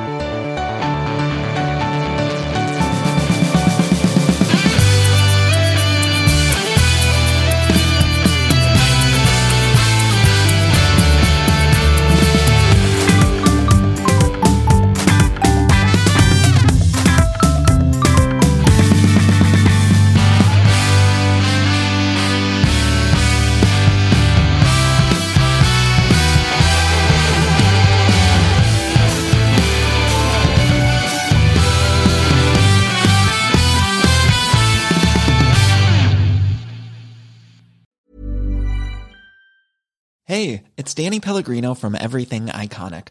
Ready to upgrade your style game without blowing your budget? Check out Quince. They've got all the good stuff shirts and polos, activewear, and fine leather goods, all at 50 to 80% less than other high end brands. And the best part? They're all about safe, ethical, and responsible manufacturing. Get that luxury vibe without the luxury price tag. Hit up quince.com slash upgrade for free shipping and 365 day returns on your next order. That's quince.com slash upgrade.